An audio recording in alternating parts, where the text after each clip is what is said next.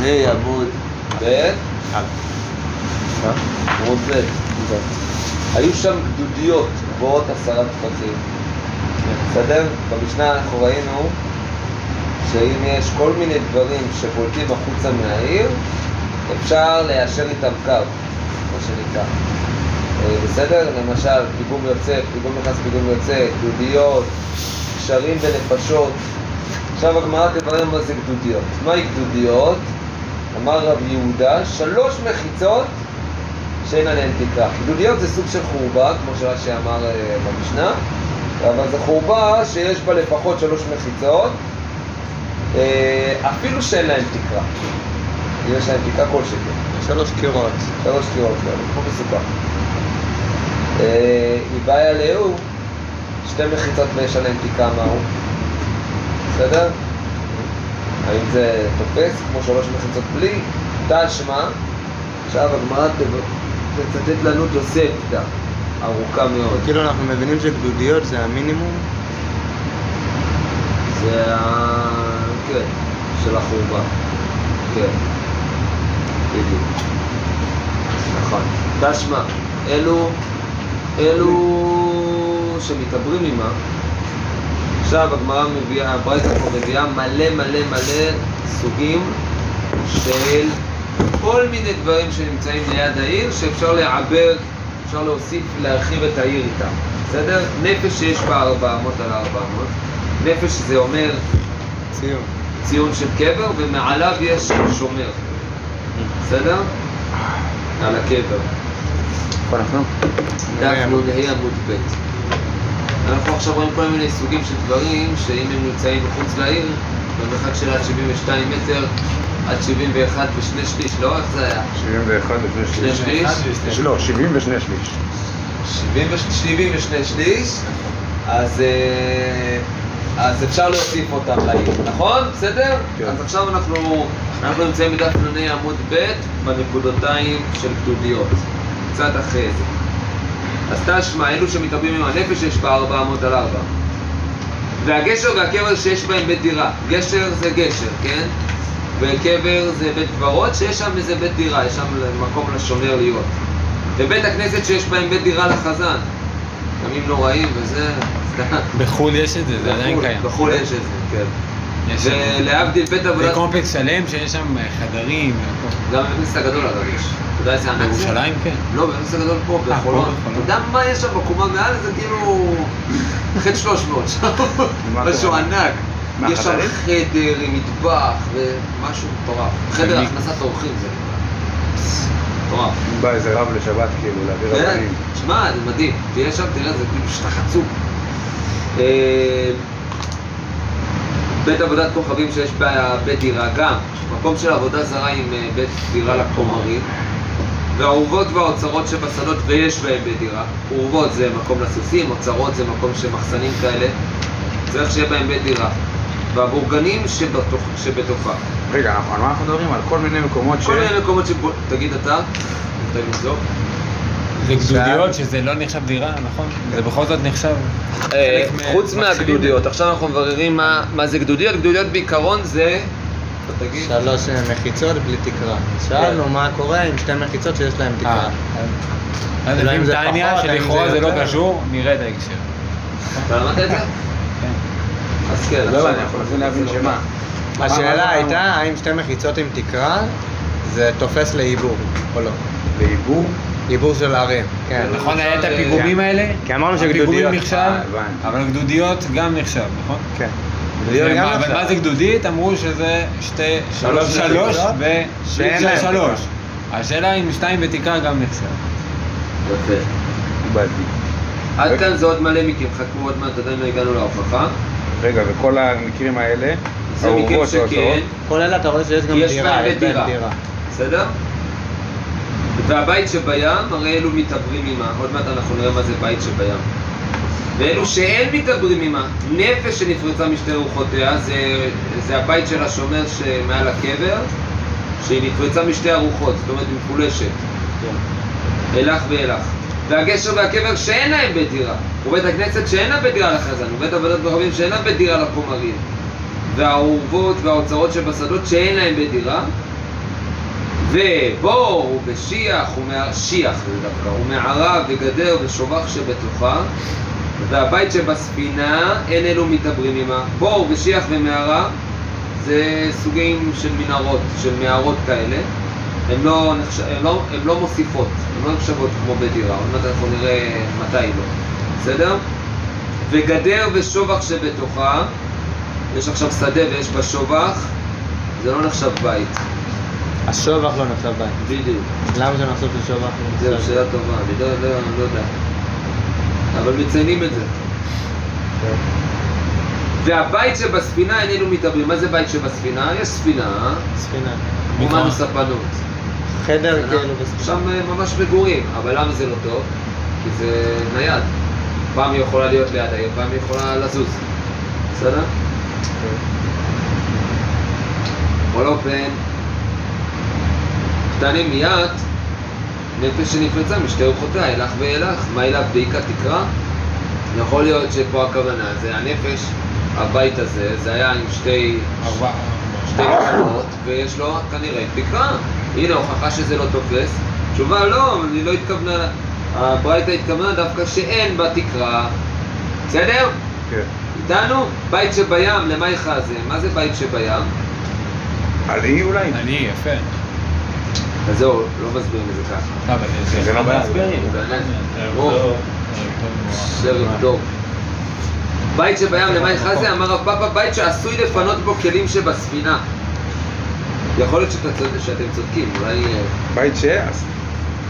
שעשוי לפנות בו כלים אופן זה כן. או בית על החוף כזה. כאילו. כנראה. זה בית על החוף, שאתה משם מוציא כלים מהספינה לשם לבית. בסדר? אז בית שבים תופס, כן? אני מזכיר. ואמרנו שזה בית בים? באיי הים, ובתוך עין המה ושירי נעים. אה, זה רש"י אמר את זה? כן, הוא אמר, איזה... הרושי שלו זה. כמו הרש"י שלך. איזה איים הרש"י יש בים שהם הרש"י. בתוך שירים אמר... אה, Mhm. יש איים בים שהם ככה? כאילו זה שובר שהיא- גלים. אה, יש אי שנמצא כאילו על הים, אבל הוא פחות לים. מ-70 מטר, 70 אמה. נכון? זה לא חייב להיות מציאותי ממש, כן. זה- רק מגדירים לך את הגבולות גזרה. מה לך ברומא, ונציה? זה לא למה? נגיד. או ביוון יש מלא איים כאלה קטנים אולי, לא. כן. רודוס. בסדר? אני לא טועה. או אה, כריש ולוויתן, זה נקרא. אסדות. אסדות. האסדות. זה זה רחוק אבל, זה קילומטר. חשבתי קהלי שלי טוב, אמר רב פאפא, סליחה, לא, ומערה אין מתעברת עמה, אנחנו הוא מערה. אה, ומערה אין מתעברת עמה?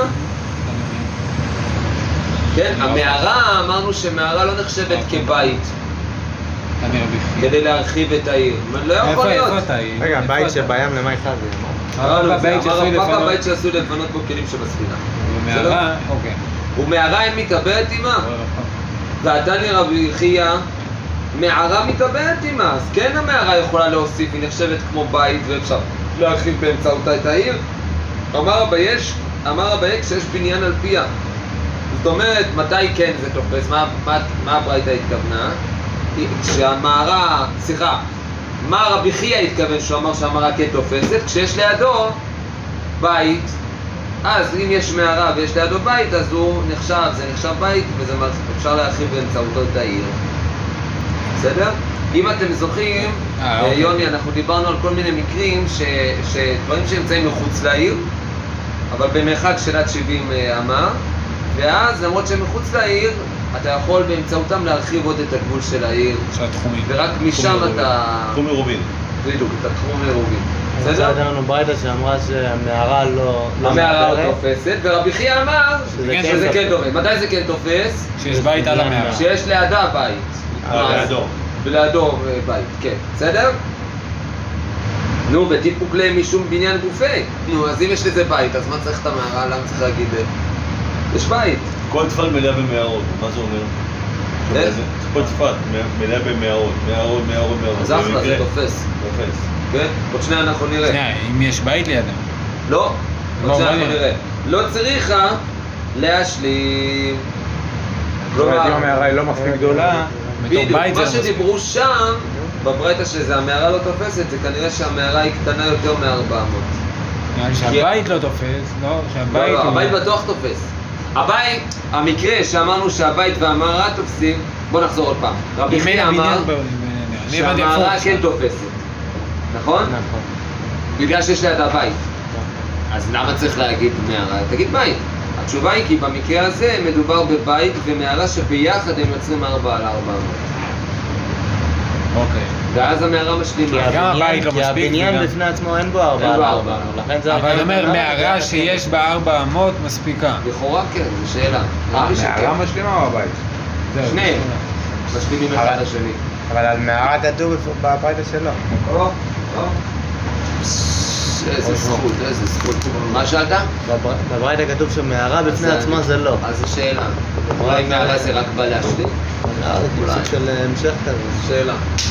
יכול להיות. נתן לי אוקיי!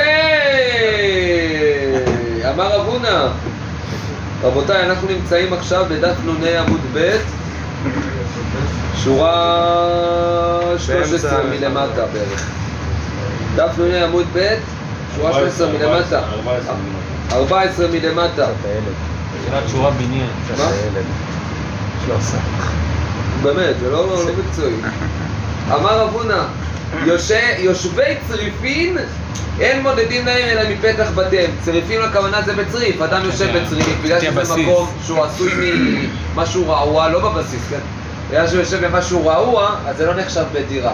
ולכן, אפילו אם יהיה מלא מלא צריפים ביחד, הם לא נחשבים עיר אחת. בסדר? ולכן אדם עכשיו שיוצא מהצריף שלו, הוא צריך לספור אלפיים, אלפיים אמה מהצריף שלו, אבל לא מה... ולא מכל התחום של הצריפים. זה לא נחשב בעיר. עיר. בסדר? הבנו? מעל כן. בית. דווי לא לא נחשב. למה הצריפים זה שונה? אה? כי זה לא עשוי ממשהו לא לא לא. בעיר, משהו בעיר. בעיר זה נחשב, כן. צרפים בגלל שזה לא, זה לא בדיוק בית. זה לא משהו זה קבע. עשוי, זה כמו אוהל. לא, זה בדיוק, זה בית זה שהוא ארעי. של... אה, זה כמו אוהל. בית שהוא ארעי. אז אי אפשר להגדיר את זה כעיר. סוכה, לכאורה. או איזה צריף בתוך העיר. אגב, זה מאוד דומה לסוכה, לא, כן? זה. מאהל, מאהל של צריפים. אה, לא משנה, גם אם זה צריף בתוך העיר, אז העיר נגמרת מלפניו. נכון, הוא לא- הוא לא מצרף את ה... הוא לא מצטרף לעיר. לא, אבל אם... לא, אם, אה, הוא צריף בתוך העיר. אם הוא צריף בתוך העיר, ובן אדם גר. בצריף. סבבה, כן. אבל הוא לא יכול, נגיד אם הוא נמצא בפינה של לא מרחיבים עליו. כאילו. אז בכל אופן, בגלל שהצריף הזה לא נחשב חלק מהעיר, מודדים ממנו אלפיים אמה. זה כמו אדם ששובת באמצע המדבר, לצורך העניין. בסדר? אה, מטיב רב חיסדא, הוא מקשה, ויחנו על הירדן מבית הישימות, בין אם, מה זה מדובר ויחנו על הירדן מבית הישימות? נכון? אני אצא במדבר. בני ישראל שהיו במדבר, כן? הם חנו מול הירדן לפני שהם חצו את ה... בית הישיבות או בית הישימון? שמות. לפעמים זה ישימון, לפעמים זה הישימות. הישימות, כן. בכל אופן, זה היה המחנה של אה, עם ישראל שהם חנו מול הירדן, ואמר רבא בר בר חנא, תראו את ההוכחה הסותרת, ואמר רבא בר חנא, לדידי חזי ליהו אתרא, והווה תלת הפרסי עד תלת הפרסי. ראיתי את המקום הזה, איפה שעם ישראל חנו, וזה מקום שהוא ענק, הוא שלוש, שלוש פרסאות או שלוש פרסאות. כמה זה פרסה? לא יודע, זה ענק. אלף קילומטר, משהו קילומטר. זה ענק. אלף קילומטר? אמות, לא, אלף אמות. אה? אלף זה פרסה, משהו כזה, לא? באלף אמות? לא, אלפיים. שלוש פרסאות זה יותר מאלפיים אמות. כן, זה בטוח יותר מאלפיים אמה, בסדר? זה יותר מ... ועדיין, ועד... ועכשיו, אה, מי נמצא שם? הם לא נמצאים בבתי קבע, נכון? זה אוהלים. עכשיו תראו, ידידי חז אליהו אתרא ועבד לתי הפרסה עתה לפרסה ודניה, כשהם נפנים, כשהם רוצים ללכת לשירותים, הם נפנים, ככה הם היו הולכים לשירותים ב- ב- ברום מדבר. אין נפנים, לא לפניהם ולא לצידיהם אלא לאחריהם, לא לפניהם כי לפניהם נמצא עמוד הענן, ולא לצדדים שלהם כי אולי עמוד רואים, הענן רואים. ירצה ללכת לצדדים. יש לנו גם ענן השם. ענן השם, וזה לא מכובד. אלא לאחריהם, אחריהם בטוח הענן לא יזוז אחורה. ימינה זה... כאילו אחרי הענן. אלא אתם הולכים אחורה מחוץ למחנה, לכיוון הסוף של המחנה. לכיוון רוורס, כאילו. רוורס. עכשיו, מי אם המחנה נמצא בין 300, בין שלוש פרסאות, זאת אומרת שאנשים היו בשבת צריכים לצאת כדי ללכת לשירותים, יותר. מאלפיים יותר אמה, לא יודע כמה זה שלוש פרסאות, אבל יותר מאלפיים אמה בוודאות. לא. איך? יכול להיות? מי שנמצא בקצה הזה. כשאני נמצא בקצה הזה, היה צריך ללכת את כל המחנה. יש שם עיר. אה, לא, אה, זה אה, ההוכחה. יפה. אז אומרים, אמר לי רבה, בתוך העיר זה נחשב? בתוך העיר? לא. לא שזה לא.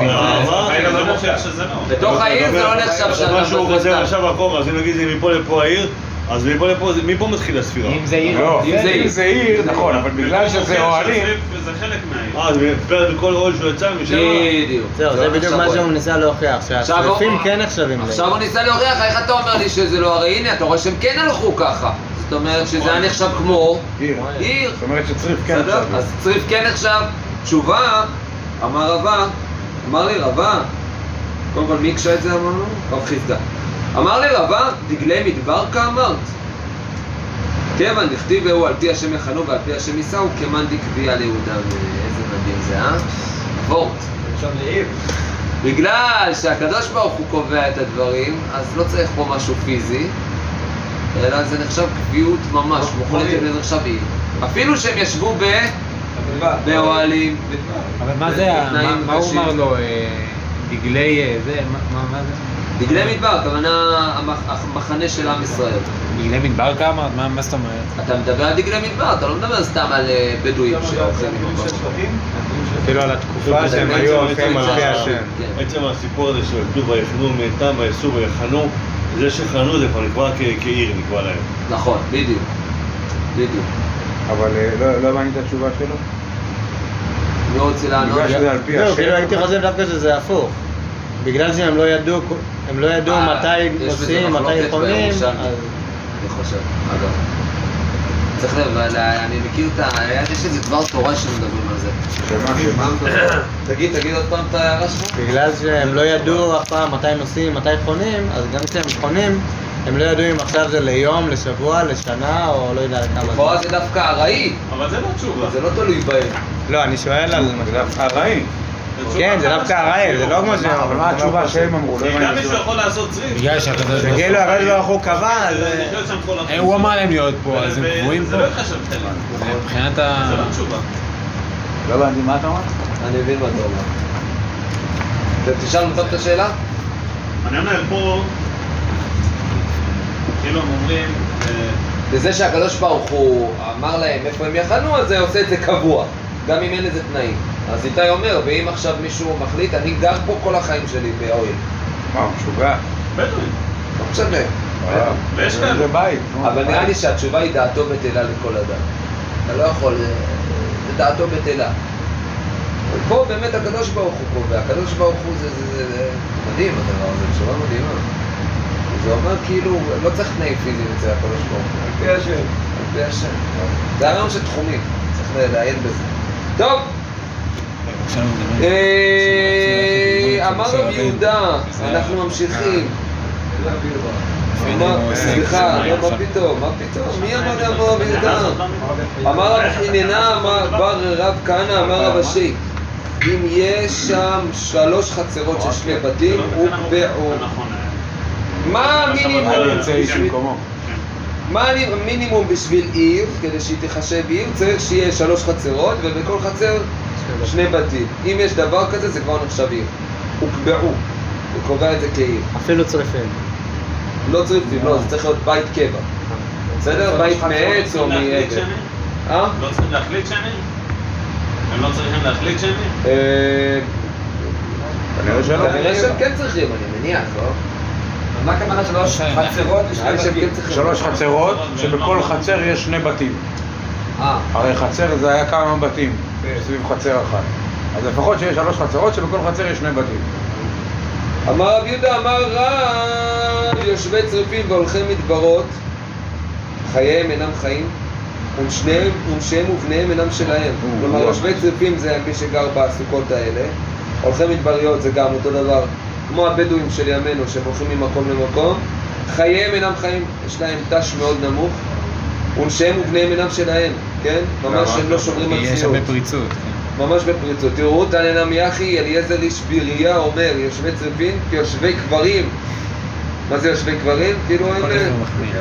הם מתים בגלל תנאי החיים שלהם, ועל בנותיהם הוא אומר, ארור שוכב עם כל בהמה. מה היא טעמה? למה זה כל כך חמור שהבנות שלהם ככה? אולה אמר שאין להם מרחצאות, ורבי יוחנן אמר, מפני שמרגישים זה לזה בטבילה. בוא נסביר, אולה אמר שאין להם מרחצאות, כלומר, בגלל שהם נמצאים במקום. מדברי וזה, אז אנשים צריכים, אז הגברים, כולם צריכים ללכת מחוץ לעיר כדי, מחוץ לאוהלים האלה כדי להתקלח. אז עכשיו אם הגברים היו הולכים להתקלח, הנשים היו נשארות לבד בבית, ואז זה מקום לפריצות. בסדר? או שאם אחד הולך להתקלח, אז האישה נשארת בלי בעלה. בדיוק. או שאנשים בסדר. נשארות ביחד. כן, בדיוק. האישה נשארת לבד. בעיר, ואז זה, זה מקום לפריצות. ורבי יוחנן אמר, מפני שמרגישים זה לזה בטבילה. הם עכשיו צריכות לטבול הבנות, ואז אה, יש כזה, אה, כמו טיול שנתי, עד שהן הולכות יוצאות לא, מחוץ לעיר. בגלל שזה רחוק, אז היא. חייבת להגיד לעוד מישהו, ואז זה ידוע. בדיוק, ואז זה ידוע, ואז יכולים לבוא אליהם לשם, למקום הטבילה, כל מיני אנשים נואפים. בסדר? זה נשמע, השני הטעמים, הם יודעים מתי הטבילה אחד, שלהם. שומעים מתי הם הולכות לטבול. זה לא נעשה בצורה. מוצנעת, עד היום הבדואים ככה. להם מלא פריצות. כן? מדהים, השם יראה לכם. באמת, לא צחוק. טוב. מה ביניו? איכא ביניו, הם אמרו שני טעמים מאוד דומים. אז מה ביניו? איכא ביניו נהרה דסמיך לביתה. אם יש עכשיו ליד יושבי צריפים, יש נהר שנמצא ליד הבית שלהם. רש"י אומר, הנהר הזה הוא מצד אחד מתאים לטבילה, אבל הוא לא מתאים מרחץ. למרחץ. עכשיו, לפי הסיבה הראשונה שהם היו צריכים לצאת מחוץ לעיר, הם עדיין צריכים לצאת מחוץ לעיר. רחוק. אז יש פה עדיין בעיה של פריצות. אבל מהטעם השני שאמרנו שהם מרגישים זה לזה בטבילה, לא מרגישים זה לזה בטבילה כי הם, הנהר שלהם נמצא ליד הבית, אז הן יכולות לצאת בצניעות, ושם אין בעיה של. למה הנהר הזה הוא ראוי לטבילה ולא ראוי ככה למרחץ? רש"י אומר. כנראה הוא מלוכלך מאוד, ושהם לא מתקלחים בו, אבל הם משתמשים בו לטבול. בסדר? מהמם. יאללה, נמשיך. אמר רב הונא, מה קרה? שמח, מה זה היום? אני צריך להיכנס בתופים ומחולות. טוב, אמר רב הונא, כל עיר שאין בה ירק, אין תלמיד חכם רשאי לדור בה. למה רש"י אומר? תהיו רגועים, לפי שהירק טוב למאכל, קיננה. הוא נלקח בזול ויכול לעסוק בתורה. סיבה יפה. הסיבה היא לא בגלל התש הגבוה, אלא בגלל שזה משהו שהוא זול, זה משהו שמזין, וככה לא צריך להשקיע כל כך הרבה בקריירה כדי, ל- כדי להתקיים, וככה אפשר להקדיש את הזמן ללימוד תורה. אל ילד מדהים. אלא ירוק. עכשיו למימרה, תגור בנתיבות ולא בתל אביב. בדיוק, במילים אחרות תגור בנתיבות, זה לא בחולו. בדיוק, תאכל בביבין. ביבינה? ביבין. טוב, והתניא, אה, לממד ירק מעליה? מה, אתה רוצה להגיד לי שירק זה דבר כל כך טוב? התניא, שלא שם מרבים את הזבל וכופפים את הקומה ונותנים אחד מחמש מאות ממאור עיניו של אדם, כן?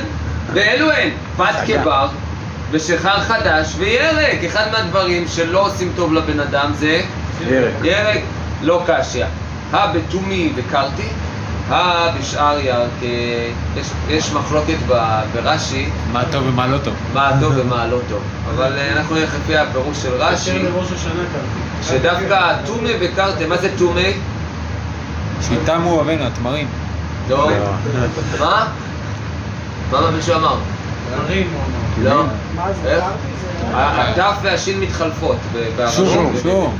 וקרתי מה זה? דלעת? גם מתחלף, התף והשין, מה זה?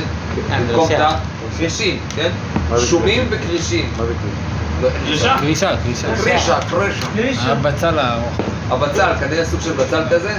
אז מה שטוב דווקא, מה שאמר, מה שאמר רב הונא, שאם אין את זה, אז תמיד חכם לא יעבור, זה דווקא מדובר בשומים וקרישים. ומה שאמרנו שהוא לא טוב, זה בשאר ירקות. והנה יש לנו הוכחה, כדתניא, שום ירק. קרישין, חצי ירק. ירק הכוונה, גם בזה יש מחלוקת מה איך להסביר את זה, כן? לפי אחד מהפירושים. לפי הפירוש שאמרנו, ירק מצד הטוב שבו. שום נחשב טוב, עד היום. חצי טוב, חצי. אבל לא הבנתי, פה זה- הולך ביחד. כן, אמרת שום ו... שום אמרת שום וקרישים ביחד. זה טוב. עכשיו בוא אומר, זה ירק וזה חצי ירק. כלומר, זה טוב. מאוד מאוד, וזה טוב, אבל לא... או שזה זה רע מאוד. וזה רע. או בדיוק. אה, בסדר, נמשיך. שמירת צנון, סם חיים. מה זה? אם אתה רואה צנון, כלומר אם יש צנון, אז מה? בעיר? סם חיים. בעיר מה כאילו. אז מעברים את העיר עם הצנון, סתם. ועד דניה נראה צנון לא נראה- סם המוות. נו, מצד שני אתה אומר בדיוק שאם יש צנון, אז זה דווקא סם המוות. לא קשיא. אחד של רבי, לא היה חסר לא לא צנון ולא... לא. בטל מעל שולחנו, כן. צנון ומה? מה שני? אז הנה, אז יש פה צדדים לכאן ולכאן. התשובה היא כזאת, לא קשיא. כאן בעלים, כאן באימהות. כאן בימות החמה, כאן בימות הגשמים. מתי זה טוב? מתי צנון זה טוב? מתי שזה באימהות. מה זה העלים ואימהות? עלים זה ה... עלים. עלים. אימהות זה שורש. השורש עצמו. כן? אבל היה עצמו. רק פה? זה מה שהיה. כל השנה, אכלו כל השנה צנון. מה זה? לא היה. רבי? כל השנה אכלו צנון. נכון, אז זה את האימהות, את השורש, את הפרי לא עצמו. עצמו. עגבניות זה חדש. את השורש, את הפרי עצמו, את עצמו. העלים זה רע, העלים זה סם המוות. גם, וגם בזה זה לא בטוח, כי הנה, כאן בימות החמה, כאן בימות הגשמים. בימות החמה באמת הצנון מצנן, איך לא נקרא צנון. כן. נכון, נכון. ובימות, ובימות, ה- קרב. בימות הגשמים זה לא טוב, כי זה מצנן. בסדר? זה לא, לא אפקטיבי. אמר רב יהודה, אמר רב, תראו עוד, עוד כמה טיפים לאיפה לגור. אז תגידו אם חולון זה טוב או לא טוב. אמר רב יהודה, אמר רב, כל עיר שיש בה מעלות ומורדות. לא אדם חולון. ובהמה שבה מתים בחצי ימיהם. כלומר, כל עיר שיש בה ככה. אז מתים בחצי ימיהם. ולא עוברים טסט, נכון? עם הזינוק בעלייה. זהו, שימו לב, מתים זול גדול מה, באמת מתים? אנחנו לא רואים שהם מתים, אלא הם המזקינים בחצי ימים. כלומר, הם נשארים לחיות, אבל אה, אבל למה? בזקנה זה כזאת התעמדות מהירה. בשבילהם. זה התעמדות. מה, מה רע בזה? כן, אבל זה הרע. מה מה? תסתכל, באמת תסתכל. אותם תשובה השם. לא, בסדר, אבל שההתעמדות כל הזמן, אז אתה לא... תראה איך תראה. זה- נו, התעמלות זה רע. תסתכל. לכן אומרים זקני צפת. לכן אומרים תמשיך חצי שורה ואז יהיה לך תשובה לשאלה. אמר רב הונא ברדר רב יהושע אני מולייתא דבי בירי ודבי נרש הזקנון העליות האלה שהיו בין בירי ובין נרש לא יודע מה זה, אבל בכל אופן בין. שתי עיירות הייתי צריך לעלות העיירה ולרדת כל. הזמן הזקנון! מה עשו לי? הזקינו אותי? כמו שאמר הרגע, זה בית צפת. על כושר. שומע על כושר, שמה? מה, זה זה נכון, זה נכון שהירידות, הירידות נגיד דופקות הברכיים. לא, לא, זה בדיוק, זה לא העליות, זה הירידות שהן ככה הירידות דופקות הזמן. הברכיים. הירידות, גם העליות. דופקות הברכיים. תעשה הליכה במישור, זה ספורט טוב. אבל אה, לרוץ בירידה זה ספורט לא טוב. זהו, סיכום של הסוגיה, מה ראינו פה? זהו? כן? לא. לא רוצה. רוצים עוד. אה, סיכום של הסוגיה, יאללה, נתחיל. מי רוצה לסכם מה ראינו? דבר ראשון, דיברנו על מה זה גדודיות. אנחנו דיברנו על כל מיני דברים שהם נמצאים מחוץ לעיר ובאמצעותם אפשר להרחיב את העיר עוד. התנאי שלהם זה שזה צריך להיות ראוי ל... למגורים. ושגרים שם גם בפועל. בסדר? אז דיברנו על מה זה גדודיות וניסינו לבדוק האם אם יש שתי מחיצות, אם תקרה זה גם נחשב כמו בית דירה. בסדר? תשובה כן. ואז בברייתא ראינו מיליון סוגים של אה, בית דירה כזה, כמו בית כנסת שיש בו חזן, או כמו... עובד. נו, מה אתם זוכרים עוד? בית אה, חוף, בית אה, בית אונייה. ים, כן, ב- בספינה, כל הדברים האלה. ואחרי זה ראינו על יושבי צריפין, אנשים, אנשים שגרים בתוך בתים אה, ארעיים, זה לא נחשב, אי אפשר לקבוע את המקום כעיר. אפילו שיש שם הרבה כאלה. בית הבית, של הבית שלהם. יפה, והקשינו על זה מדווקא מהמחנה של היה עם ישראל, ומה ענינו על זה? המחנה של עם ישראל שונה כי. כי זה על פי השם יחנו, על פי השם יישאו. בדיוק. ואז אנחנו ראינו בדיוק על האנשים האלה שיושבים ב... האנשים שיושבי צריפים שהחייהם אינם חיים ובנותיהם לא שניהם עליהם. ובניהם לא שלהם, כן, ממזרים, הם לא שומרים על צניעות בכלל. ומפה התחלנו להגיד כל מיני דברים שצריכים להיות בעיר. ראינו קודם כל מימרה של רב הונא שצריך להיות בעיר ירק, איך הגיעו ל... והירק הזה, הכוונה אחרי הקושייה והזה, למסקנה זה. שזה. שום וקרתי, ואחרי זה ראינו גם עוד כמה דברים. צנון, שצנון זה דווקא צריך להיות האימהות של הצנון, כלומר הירק עצמו, ודווקא בימות החמה.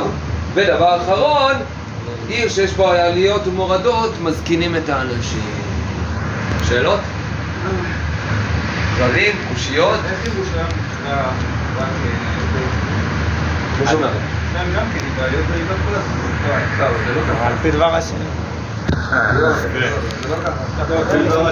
זה.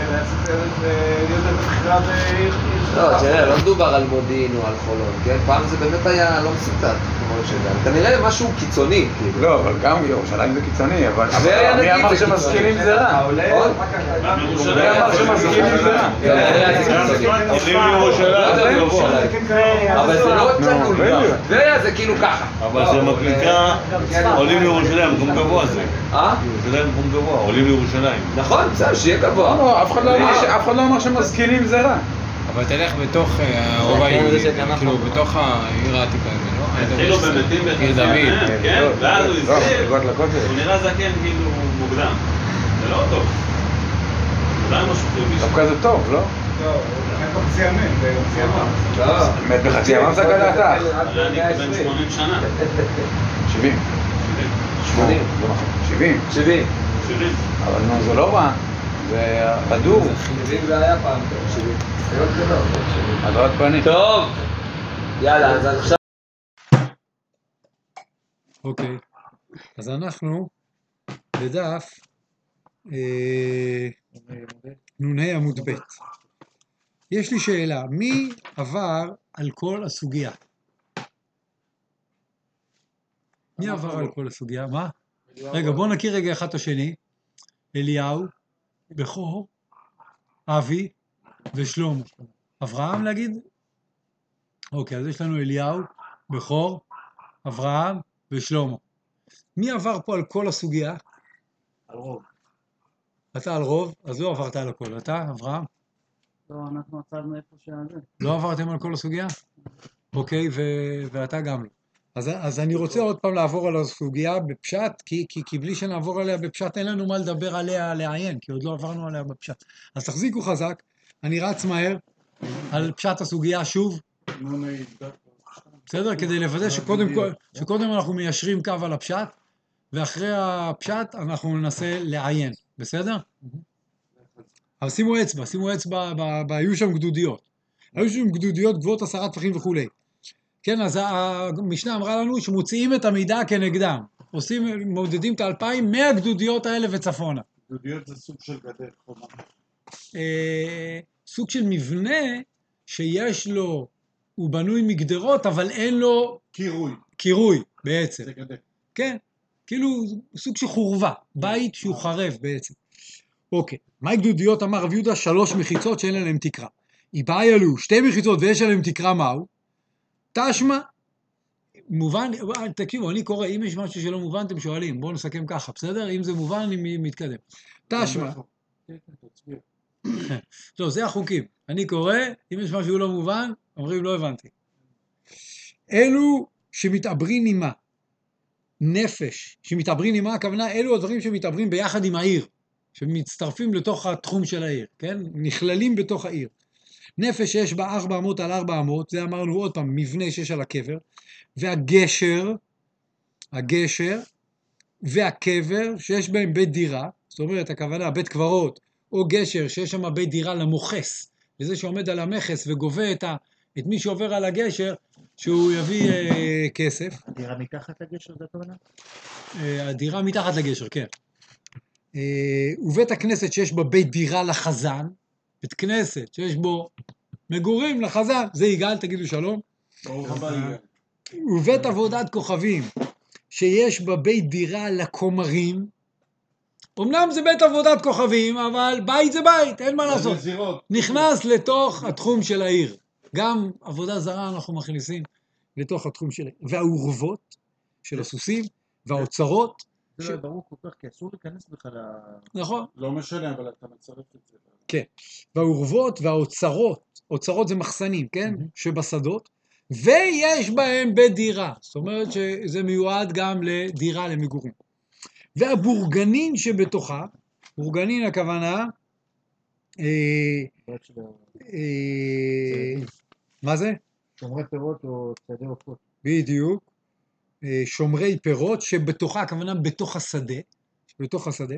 והבית, אני רואה שלא כולם עם אצבע, מה נסגר איתכם? אצבע, בכור אצבע. לא בעיניים, באצבע, חבר'ה, אני אומר לכם מניסיון. תשמעו לעצה שלי, אני אומר לכם מניסיון. אתה לא מחזיק אצבע, אחרי זה אתה לא מוצא את זה. אוי, אוקיי. והבית שבים, הרי אלו מתעברין עימה. ואלו שאין מתעברין עימה, הבית שבים הכוונה הבית שבאי, שאם יש אי, אז הבית שיושב על האי, גם הוא, והוא בתוך תחום העיר, הוא קרוב לעיר יחסית, גם הוא נכנס לתוך ה... נקרא הבית שבים? כן. הכוונה הבית. על האי שבים, כן.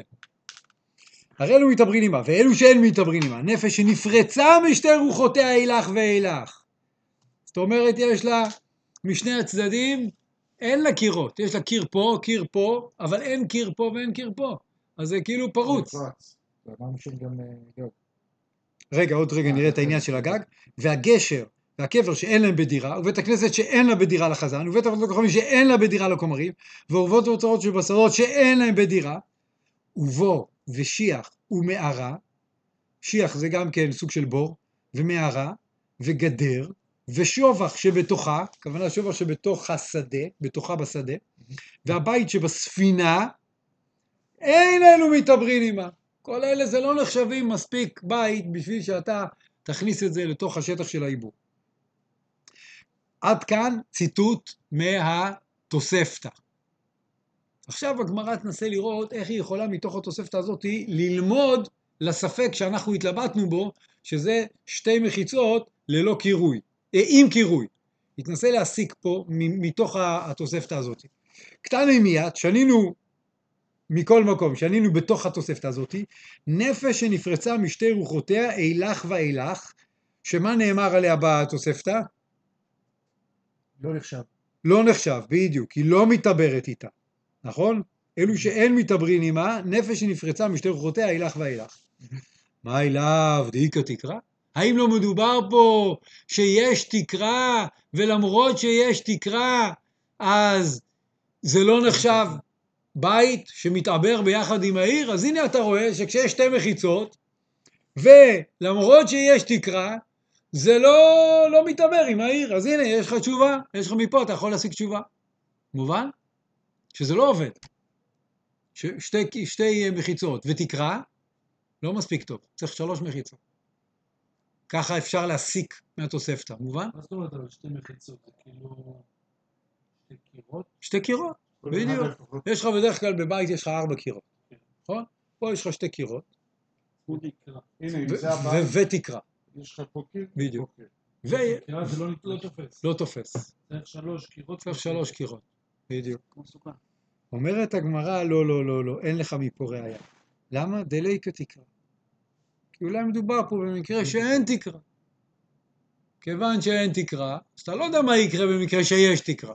כי הנפש שדיברו עליה, שנפרצה אילך ואילך, יכול להיות שמדובר שאין עליה תקרה, ולכן היא לא מתעברת עם העיר. אבל אם היה עליה תקרה, אז אולי כן, אז אתה לא יודע. בקיצור, אי אפשר להוכיח מפה, שורה תחתונה. בסדר? אוקיי. בית שבים, למאי חזי, למה הוא ראוי הבית שבים? אמר, הרי אמרנו שצריך להיות ראוי לאיזה דירה או משהו. אמר רב פאפא, בית שעשוי לפנות בו כלים שבספינה.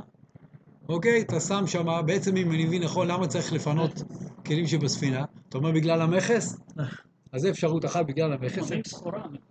אוקיי, אפשרות שנייה בגלל שהספינה היא עמוקה, היא לא מגיעה עד החוף.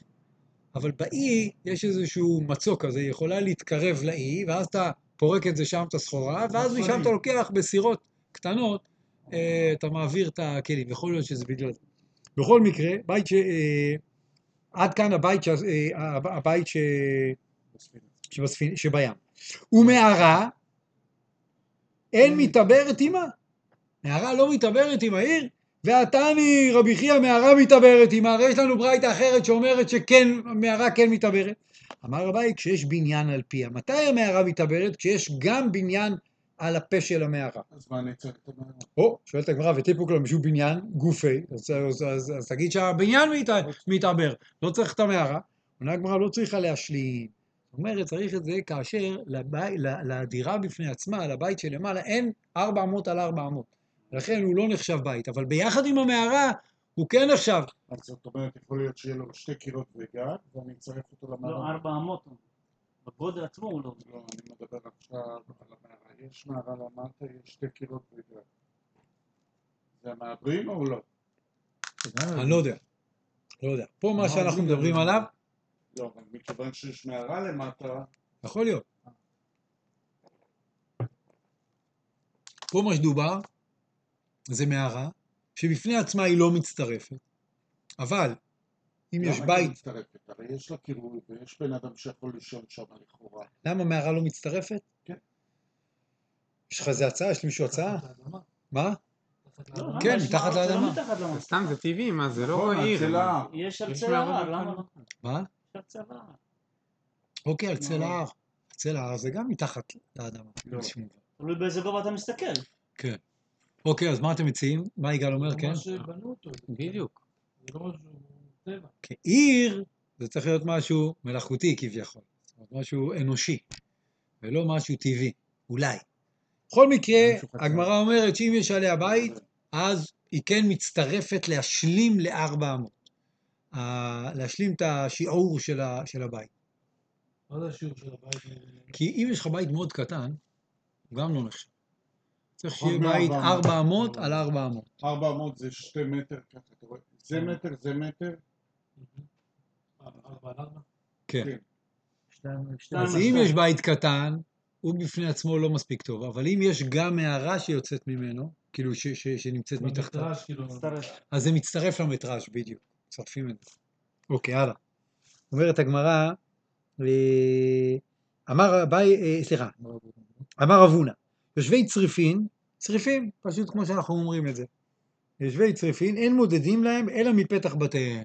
זה בכלל לא נחשב עיר. הם לא מצטרפים לעיר אחת, אלא כל אחד הוא בפני עצמו ומודדים לו אלפיים אמה מהפתח של הבית שלו.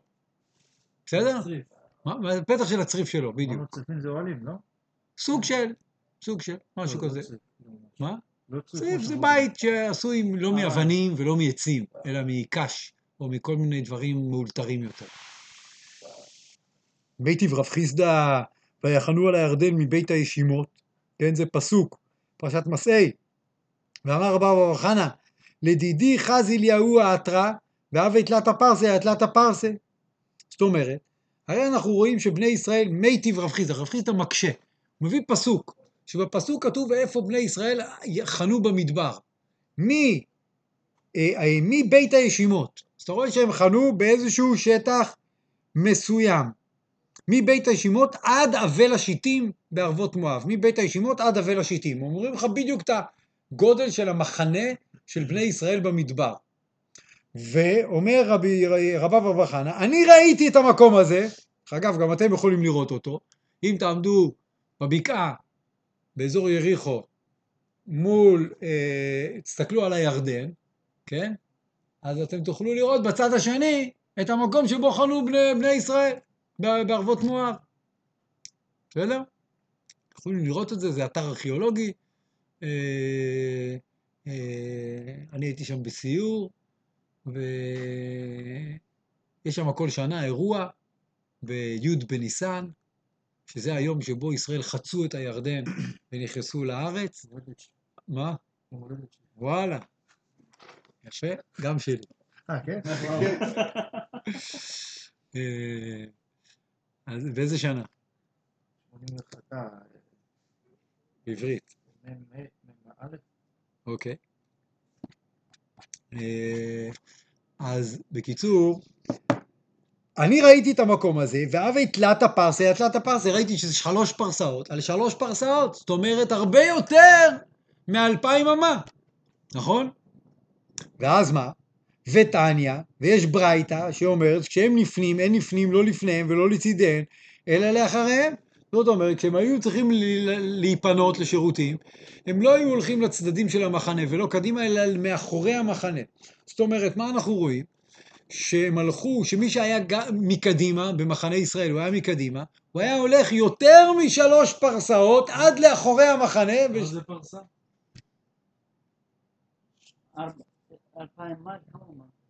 פרסה זה אלפיים. אה, אלפיים אמה? אלפיים אמה. זה פרסה?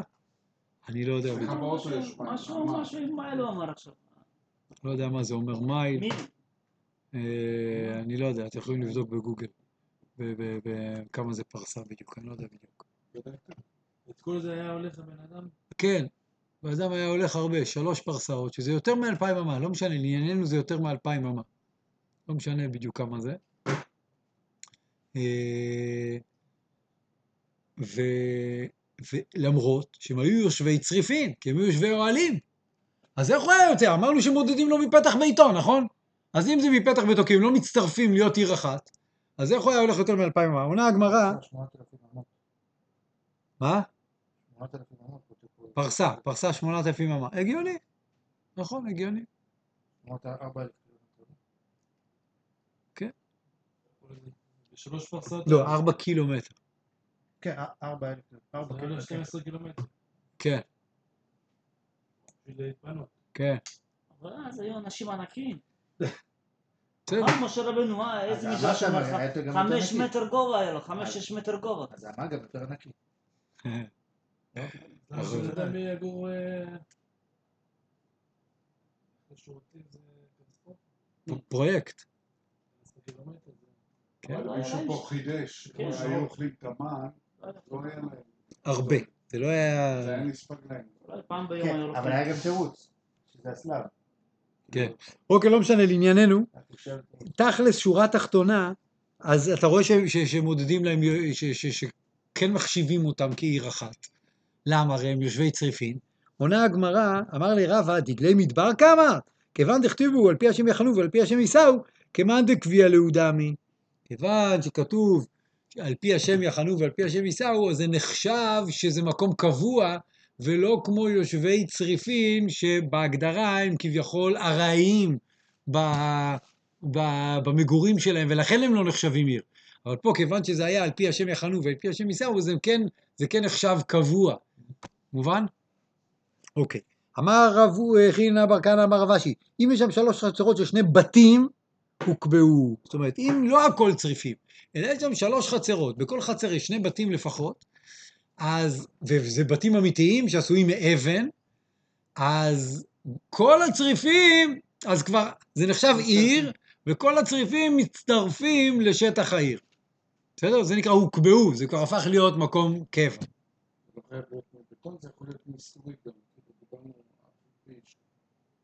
אוקיי. אמר רב יהודה אמר רב, יושבי צריפין והולכי מדברות, חייהן אינם חיים. ונשיהם ובניהן אינן שלהן. מובן? מה לא מובן? עוד פעם, יושבי צריפין. חיים כאילו כנראה בגלל שהרעים.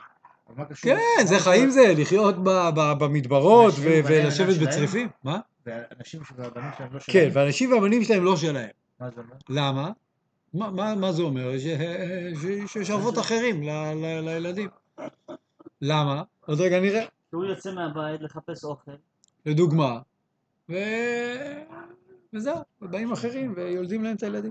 תניא נמי אחי, אליעזר איש בירי, עוד מעט הגמרא תסביר למה, כן? אבל בינתיים היא, היא רק מביאה עוד מקור. אליעזר איש בירי אומר, יושבי צריפין כיושבי קברים.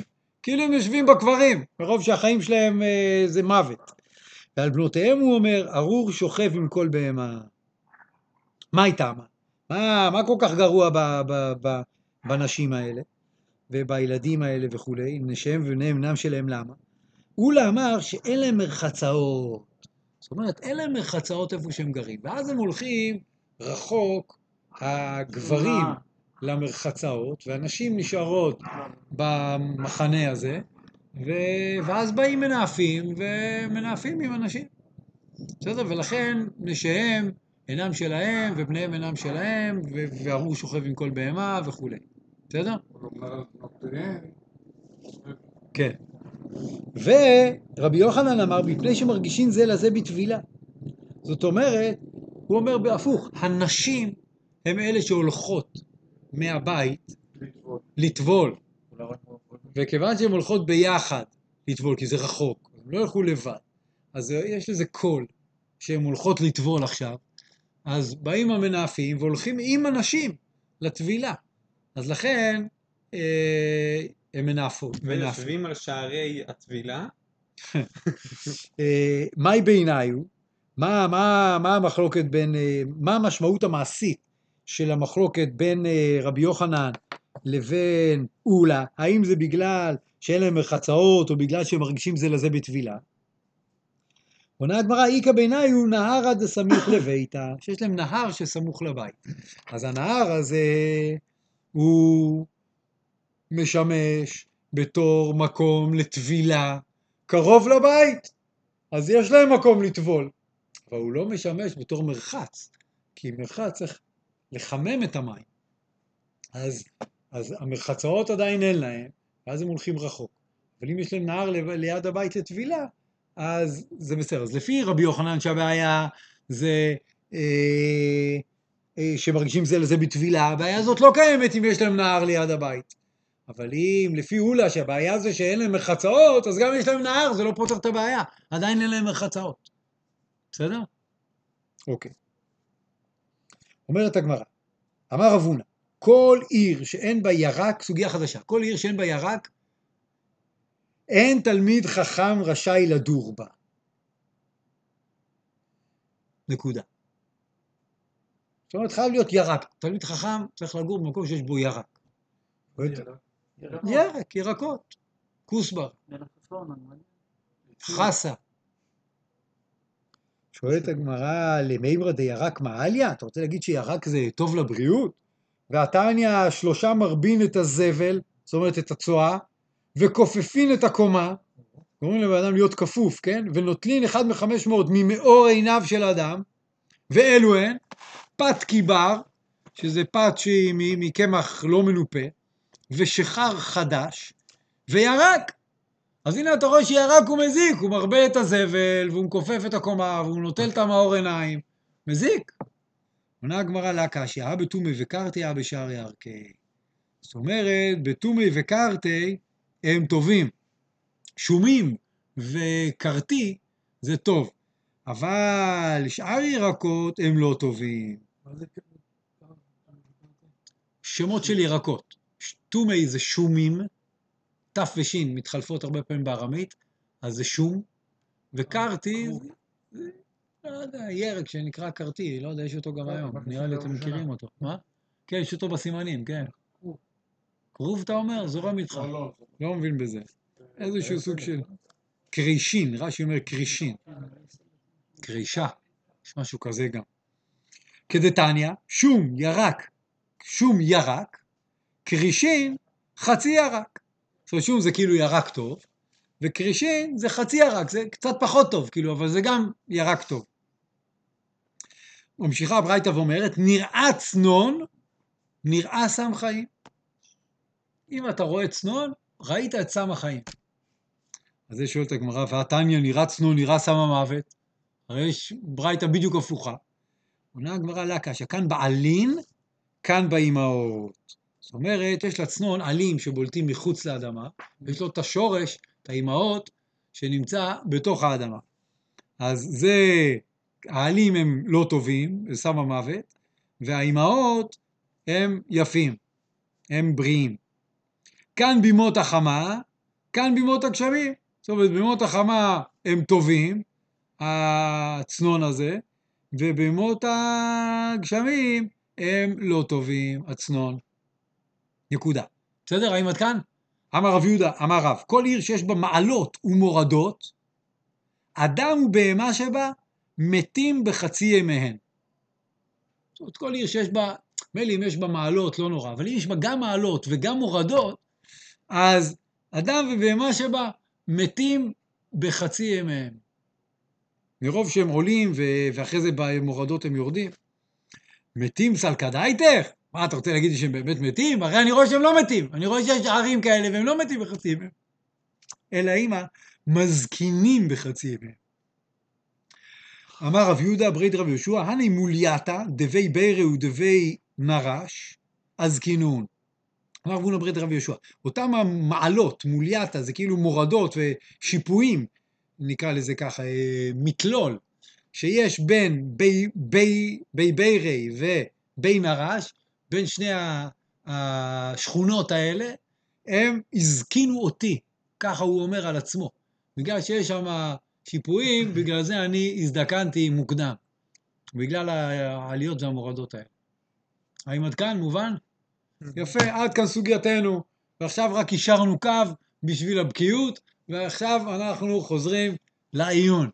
בסדר? יש משהו שרציתם לומר שעלה לכם, אתם בעיון, או שאתם חושבים עליו, שאתם רוצים להעלות? לא, יופי, אז נגיע למה ש... מה? אני אומר, די סגר את החורים. אוקיי, סבבה, אז עכשיו אני אה, אגיד מה שאני חשבתי, ברשותכם, בסדר? מסכימים? אני חשבתי משהו. יאללה, טוב, שדר. שזה שמדברים על ההולכי מדבר, קרא לזה? אה, דגלי מדבר, שעל פי השם יכנו ועל פי השם יישאו, כן. זה מלמד אותנו על הערים. שלמה הערים כן יש להם אה, עירוב וסתם צריפים לא?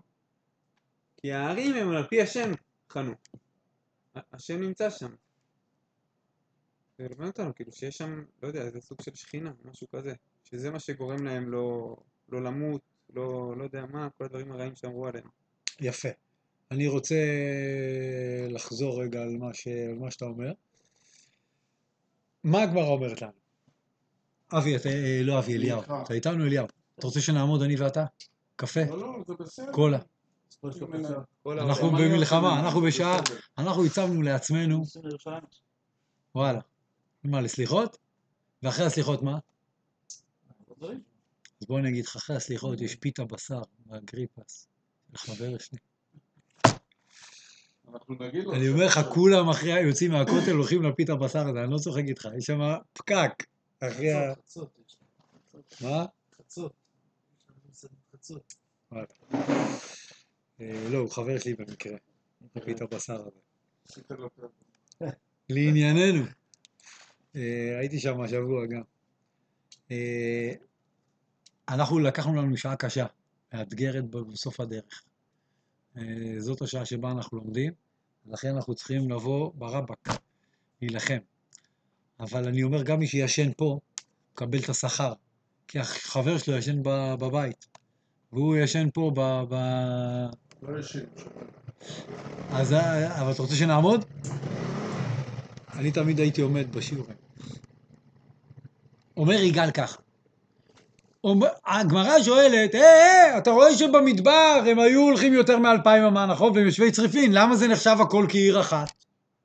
אומרת, כיוון שכתוב על פי השם יחנו ועל פי השם יישאו, כמאן דקביע דמיה, נכון? כמו שזה קבוע. ואני שואל אתכם, למה זה שעל פי השם יחנו ועל פי השם יישאו, זה הופך את זה לקבוע?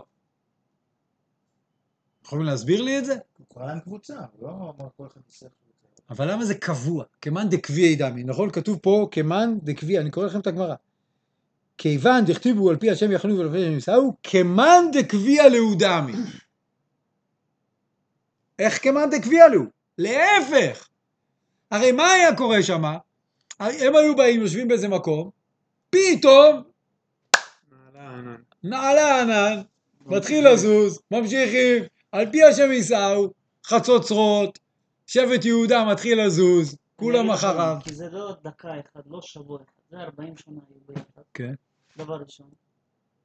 הם, הרי בהתחלה הקדוש ברוך הוא רצה לקחת אותם דרך קצרה. כן. 11. כן, אז זה באמת היה אומר לך שזה ארעי. כן. בגלל שזה 40 שנה, זה נהיה קבוע. אבל זה לא לא יכלו מה- זה לא מה-. זה לא מה לא שהגמרא אומרת. לא, אבל זה לא מה שהגמרא אומרת. הגמרא אומרת, כיוון דכתיב בו על פי השם יחנו ועל פי השם יישאו, עוד פעם, אני לא שולל את הזה. אני אז לא שולל את מה אז- שהוא אז אומר. תסביר לנו את זה. אז אני אומר לך, בגלל שהם... למה זה שזה היה על פי. השם, כי האוהלים שלהם בקבוע, הם חנו אחד ליד השני בקבוע, דבר ראשון. אני האוהלים מבין. היו אה? קבועים. אז את- המסע שלהם היה קבוע, ידוע מראש. כל המסע הזה, של כל אותם המשפחות, זה קבוע. זה, זה. עיר אחת שלמה. אני מבין מה שאתה אומר. אתה אומר, או, הבנתי אותך. זה עיר אחת שלמה שזזה. יפה, זה רעיון עיר טוב. מעולה, רעיון מעולה. רק מה החיסרון שבהסבר הזה? שרש"י לא איתך. לא, לא שרש"י לא איתך. קרוב, קרוב, לא שרש"י לא איתך. שאתה צריך להכניס לי אותו במילים של הגמרא. כיוון דכתיב בהו, על פי השם יחנו ועל פי השם יישאו, כמאן דקביע לאודמי. איפה זה כתוב במילים, כיוון דכתיב בהו, על פי השם יישאו ועל פי השם יחנו. אם אני מבין אותך נכון, תן לי להכניס את זה בשבילך, תכניס את זה במילים פה. זה לא שכל אחד החליט לבד. מתי הוא נוסע, מתי הוא נשאר, זה לא החלטה פרטנית של כולם. כולם יש להם משהו אחד שקובע מתי זזים, וכולם מחויבים לאותו דבר, ולכן זה הופך אותם לקבועים ביחד. הביחד שלהם הוא קבוע. נכון? יפה. כל אחד שחנה, אולי חנה במטרה להשתקע פה. עד שכאילו לא להגיד להשם, נו, נו, מתי נוסעים. כן. אמרת לי פה, אני פה. עצירות ארוכות. היו עצי- עצירות מאוד קצרות ועצירות מאוד ארוכות. זאת אומרת, אי אפשר לדעת. מה? הם לא ידעו, הם לא ידעו. אה, אני רוצה להציע עוד הצעה. יגאל הציע עוד הצעה. שבעצם הקביעות, זה לא שזה היה נחשב קבוע, אלא כמאן דקביע לאודמי. זאת אומרת, הקביעות עצמה לא היא ה... ה... מה שהופך אותם לעיר. לא הקביעות הופכת אותם לעיר, אלא הקביעות היא סימן למשהו אחר. סימן למשהו אחר. והמשהו האחר הזה, הוא מתקיים גם כאשר על פי השם יחנו ועל פי השם יישאו. זאת אומרת, יש לך שתי אפשרויות איך ליצור את אותו מצב של, של עיר אחת, או על ידי קביעות, או על ידי על פי השם יחנו ועל פי השם יישאו. אתם מבינים? מה האפשרות השנייה? עכשיו בואו נסביר את זה. מה זה המשהו האחר הזה? המשהו האחר הזה, זה שהביחד שלהם הוא לא מקרי. הוא לא מקרי. כי ביחד מקרי, מה זה ביחד מקרי? אני אסביר מה זה ביחד שהוא מקרי. נגיד שיש כמה אנשים שרוצים ללמוד תורה. רוצים ללמוד תורה. אחד, כל אחד רוצה ללמוד משהו, והוא מחפש עם מי ללמוד. למה? כי קשה לו לבד. למה קשה לו לבד? כי אין לו, כי אין לו את הרב שילמד אותו באופן פרטי, ואין לו את הקביעות, קשה לו להיות קבוע, וקשה לו למצוא חברותה, וקשה לו אלף דברים לבד. קשה לו ללמוד תורה לבד. אז הוא מחפש את החבורה ללמוד ביחד איתה, כי הוא צריך ממנה משהו. צריך מהחבורה, ה... שיהיה לו יותר נוח להיות, ללמוד בקביעות. אז הוא בא. עכשיו במקרה, יש עוד אחד שגם הוא זה מתאים לו, ויש עוד אחד שגם הוא במקרה זה מתאים לו, ועוד אחד שהוא... לכולם במקרה זה מתאים, אז הם מתכנסים למקום אחד. זאת אפשרות אחת. האפשרות הזאת זה יושבי צריפין. הם לא נחשבים עיר אחת. למה? כי כל אחד במקרה היה צריך את האחרים. הוא צריך, כי זה יותר נוח עם אחרים. גם ככה אתה הולך במדבר. גם ככה אתה קשה לך בטירוף עם תנאי החיים המשוגעים האלה. ובתוך המציאות הקשה הזאת, אם אתה לבד, אתה גמור.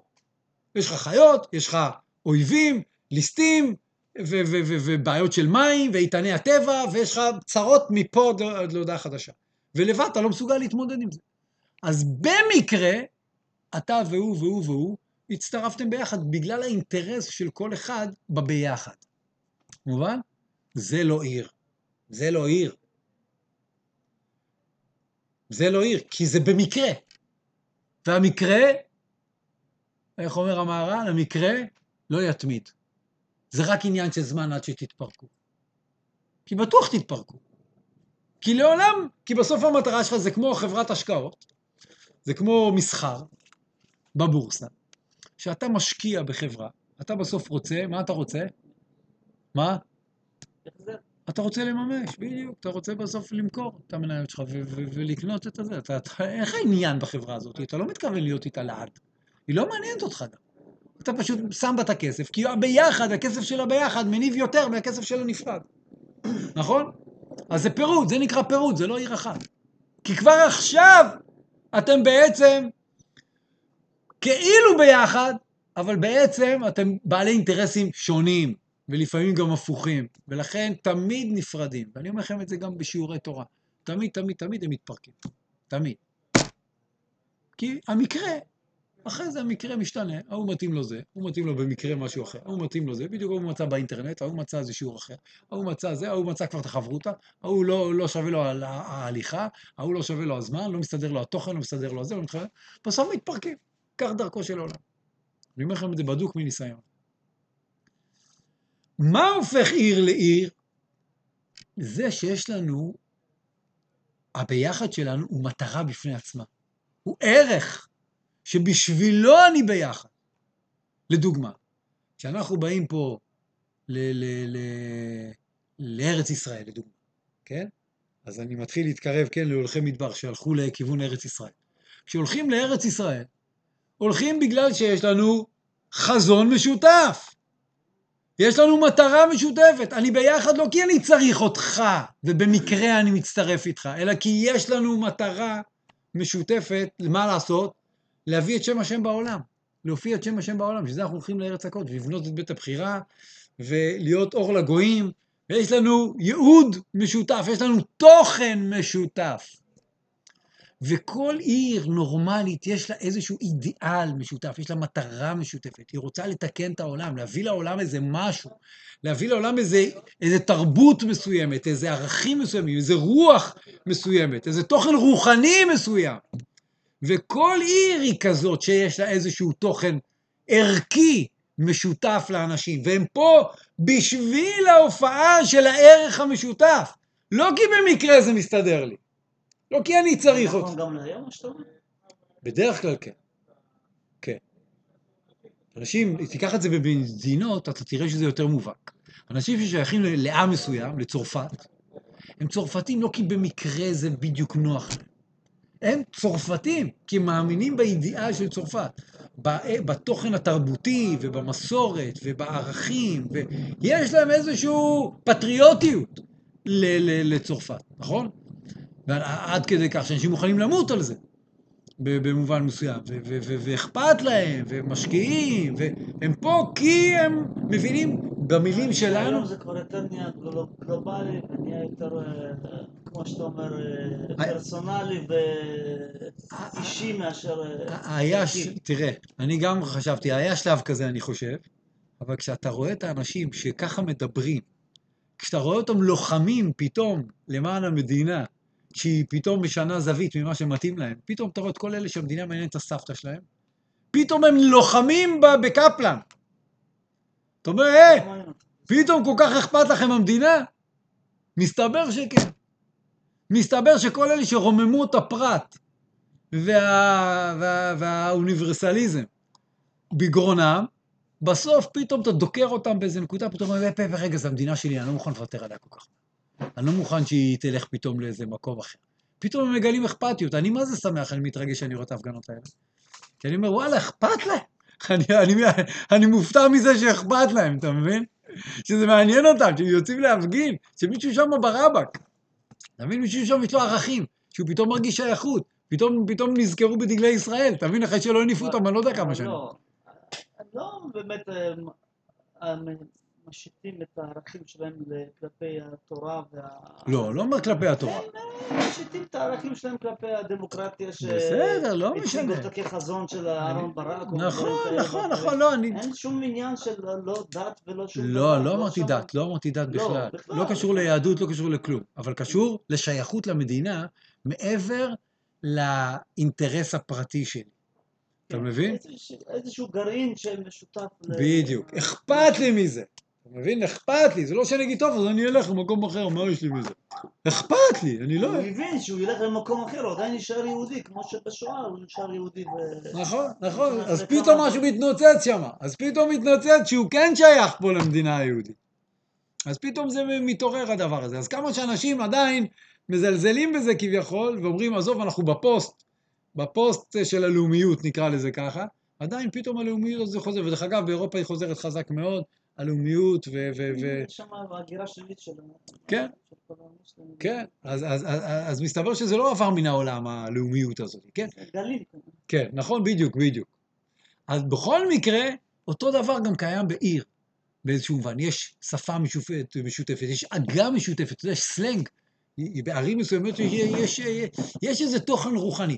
ולכן אומרת לך הגמרא, שכיוון שכתוב על פי השם יחנו ועל פי השם יישאו, זאת אומרת שהשם יוצק שם איזשהו תוכן לביחד שלהם.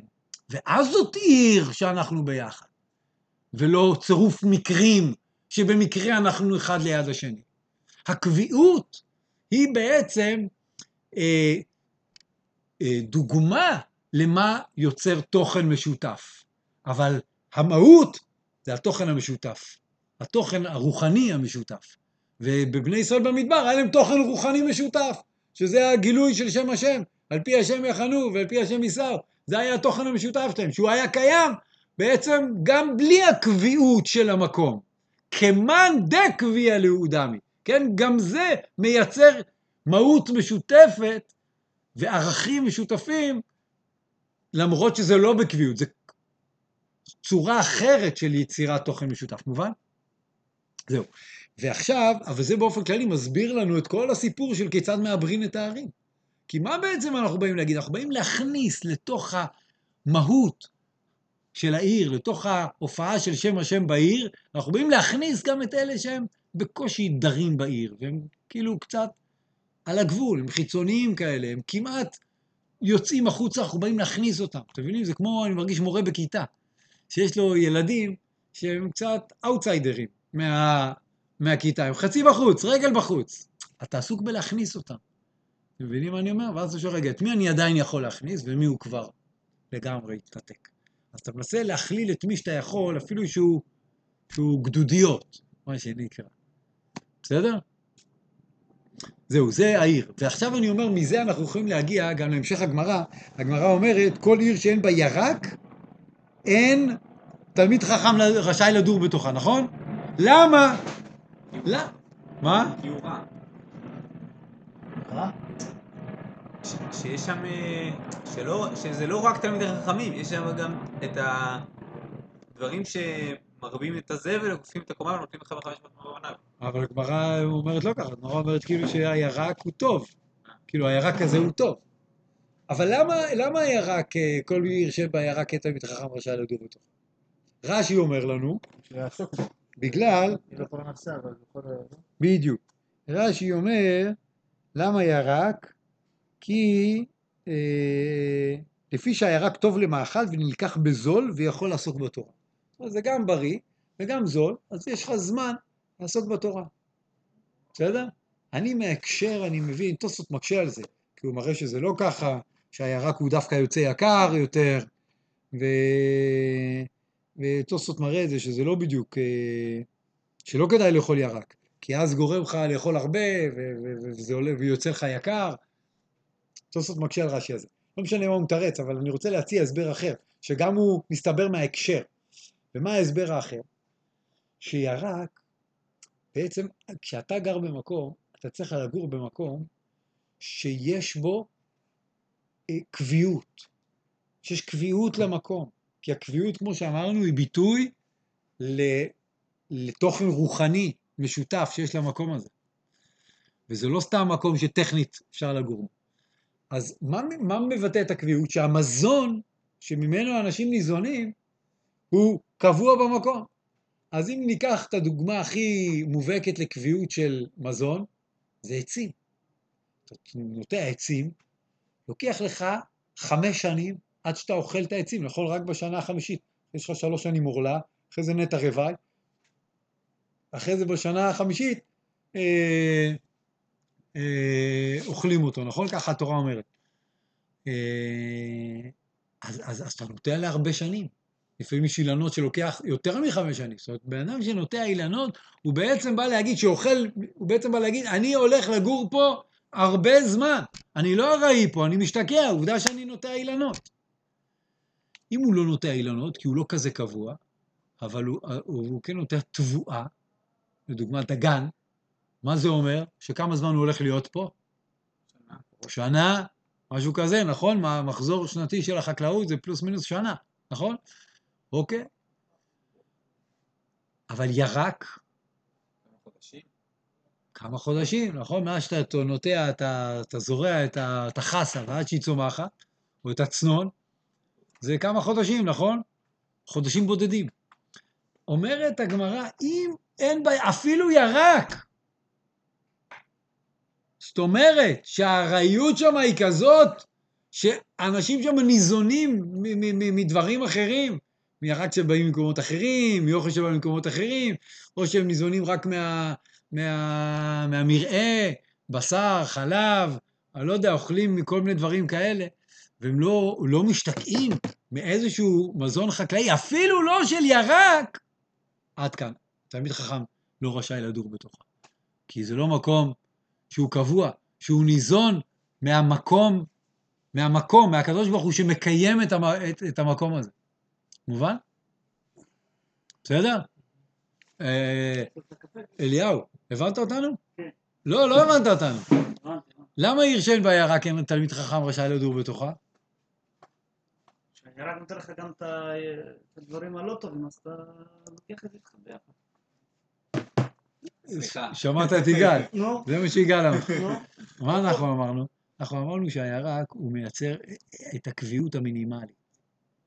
כי אתה נוטע לכמה חודשים, אתה זורע לכמה חודשים, אתה אוכל אותו. ולא דורשים ממך תבואה, לא דורשים ממך אילנות, שזה עוד הרבה זמן עד שזה נותן לך את הפירות. במינימום, אם אין את רמת הקביעות של ירק, אז סימן שאתם חיים פה ממש ממש בארעי, וזה, ו- ו- ולכן אין חכם משה. כי, כי השם לא נמצא פה, אין פה תוכן רוחני שמחבר את האנשים, כי עובדה שהם לא קבועים במקום. והמקום לא מקיים אותם, המקום, הקדוש ברוך הוא נקרא המקום. כי הוא מקיים, ולכל מקום יש סגולה רוחנית. זה לא רק בגלל שהאנשים יש להם תוכן משותף, כי למקום בעצמו יש תוכן שבא מהשם. השם נותן לכל מקום את, ה- את הקביעות אבל שלו. בזמנם זה- זה היינו הך, זה ברור, כי אחרת איך העיר תתקיים בלי אוכל? יכול להיות שיביאו ממקומות אחרים וכולי. אתה לא יכול לקיים, בזמנם זה יכול לא להיות, יכול להיות. יכול להיות. זה א' כן. ב'. טוב, אנחנו עוצרים, ידידיי. יישר כוח.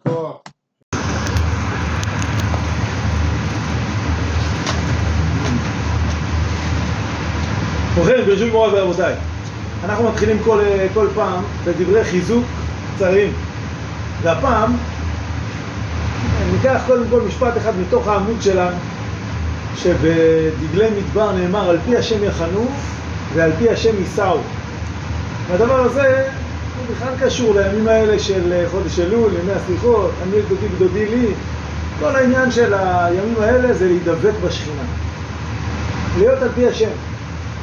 וזה בא לידי ביטוי גם בפרשת השבוע שלנו, אתם שקראנו בשבת אתמול, אתם ניצבים היום כולכם לפני השם אלוקיכם, והעניין של ההתייצבות לפני השם זה עניין של... אה, אז- הזוהר הקדוש אומר, אתם ניצבים היום, כל מקום שכתוב היום זה יום ראש השנה. וביום ראש השנה באמת כולנו ניצבים לפני השם. עוברים לפניו כבני מרום, וההתייצבות הזאת לפני השם זה תמיד עניין של שכינה. בכל מקום שכתוב את המילה להתייצב, זה או חלילה נגד השם, למשל דתן ואבירם יצאו ניצבים. הם לא סתם עומדים ניצבים, התייצבות זה תמיד, חז"ל דורשים את זה מול השכינה. אז לפעמים כאן דתן ואבירם יוצאים כנגד השם, או למשל גוליית, כתוב וישכם אה, הפלישתי, ישכם. ויגש הפלישתי ישכם והערב, ויתייצב ארבעים יום. אז חז"ל אומרים ויתייצב, הוא רצה למה השכם והערב? הוא רצה לבטל אותם מקריאת שמע, שחרית וערבית. אז אין הכוונה שהוא בדיוק בא בזמן קריאת שמע כדי שהם לא יספיקו, יש מספיק זמן לקרוא קריאת שמע. הנקודה היא שכתוב להתייצב, אז זה כנגד השכינה. לעומת זאת כאן, אתם ניצבים, זה ניצבים כחיילים של השכינה, כחייל שניצב על משמרתו. וזה גם החיזוק שלנו בלימוד התורה הקבוע שלנו, בית מדרש של אה, ימי ראשון, של דורשי ירושלים, שהוא התייצבות. זה התייצבות לפני השם, אה, להתחזק בדבר הזה. אני מוכרח להגיד שהתפלאתי והתפעלתי מזה שאחיה שאל, טוב, מה עם שבוע הבא? מוצא ראש השנה, יוצא גם יום ראשון. מי בא? א', נראה לי שאלה מוזרה, כאילו ברור שאף אחד לא בא, ו... ובכל זאת, אני לא אומר, לא כל אחד יכול, לא כל אחד uh, מצליח, אבל נרשמו איזה שמונה שהם באים, לדעתי זה, זה מדהים. וההתייצבות הזאת, להתייצב בפני השם, להידבק בשכינה, זה דבר שהוא מבורך, והוא להביא, להניח הברכה על ביתך, ולהביא את השכינה שתדביק אותנו זה לזה ולתורה. תשעה לא שמעתי. תשעה, תשעה נשארים. תשעה כבר נרשם. אני לא עוקב כל הזמן לראות כמה נושאים. ובאמת זה, זה מדהים. ואולי נעמיק בזה עוד כשנראה את, ה, את הדף שלנו, את העמוד שלנו. אז אם כן אנחנו עוסקים בדף נ"ה עמוד ב', זה העמוד שלנו היום, גולש קצת לדף נ"ו עמוד א', ומה יש לנו בעצם בעמוד הזה? אנחנו כל פעם מתחילים במה היה לנו היום. הנושא המרכזי של העמוד הזה הוא איזה בניינים מתחברים לעיבור של העיר. כלומר, למדנו כבר שכאשר יש עיר, אז יש תחום שבת אלפיים אמה מסביבה, ואם יש בית בולט, אז מרבעים את העיר. לא כתוב מרבעים, אבל כתוב מעברים בעין או מעברים בעין, אבל זה הכוונה. עושים בעצם צורת ריבוע שכוללת גם את הגידודיות, גם את הסניף, גם את הפיגום, כמו שקראנו לזה בשבוע שעבר, והכל ביחד יוצר צורת ריבוע. אלא מה? היום אנחנו מדברים על זה שבית, כל בית מצטרף, אבל מה הדין של מערה, ומה הדין של אה, שתי מחיצות עם תקרה, ומה הדין של אה, שלוש מחיצות, ובלי תקרה, ומה הדין של אה, צריפים כאלה ואחרים וכולי וכולי. אז זה הנושא המרכזי.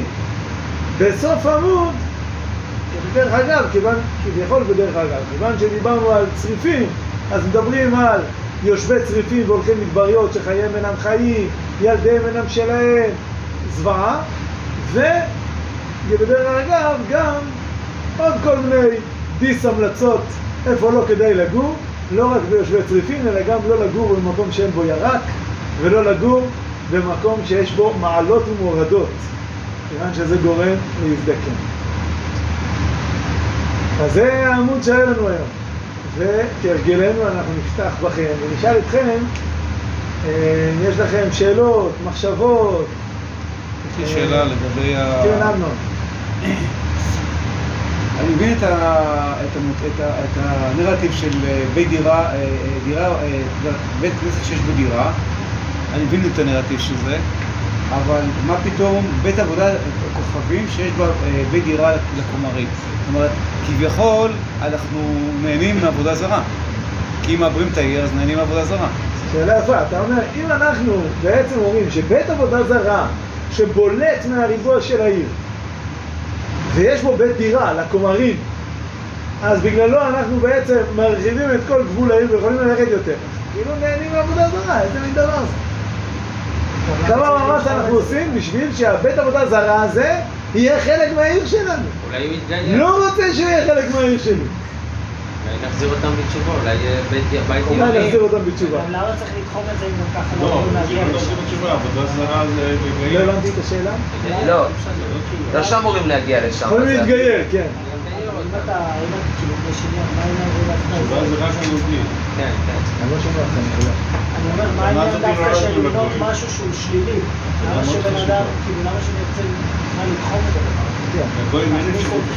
נכון אוקיי, תודה על השאלה כן. אין מעודדים להם.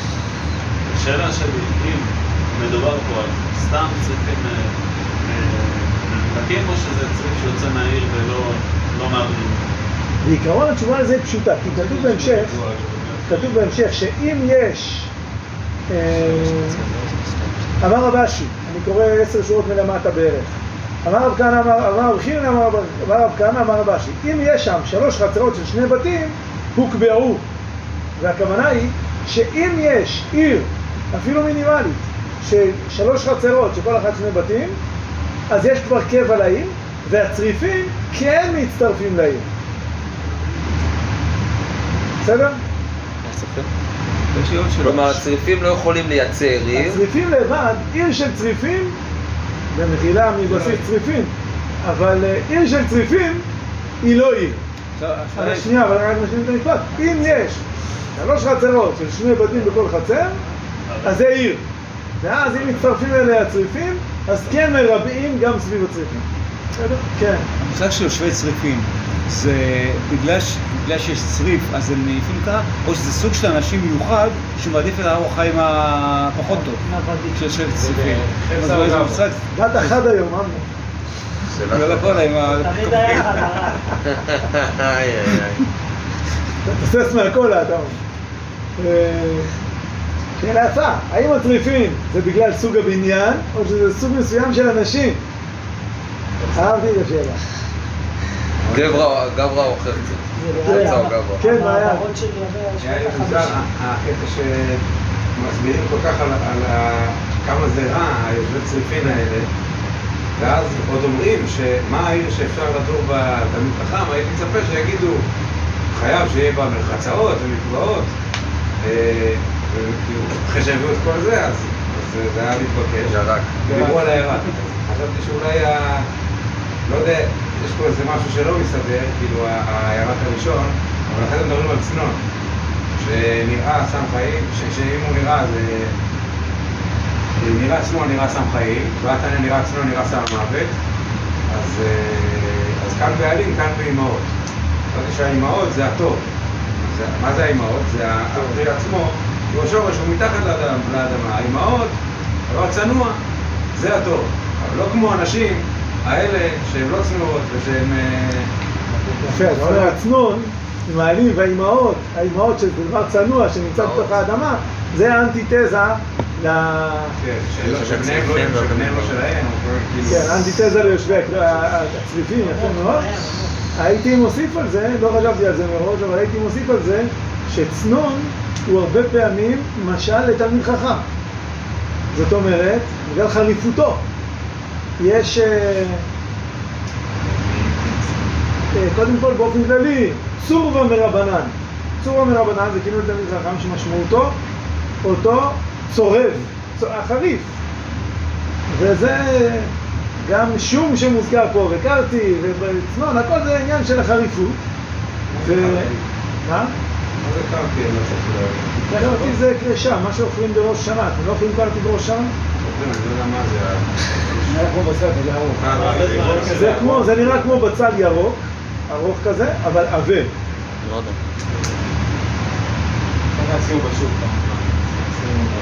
עכשיו, זה העונה שאתה יכול למצוא את זה בכל חנות. לקראת ראש שנה. על כל פנים, אה, טוב, זה מעניין. יפה. טוב, אפשר גם שאלה?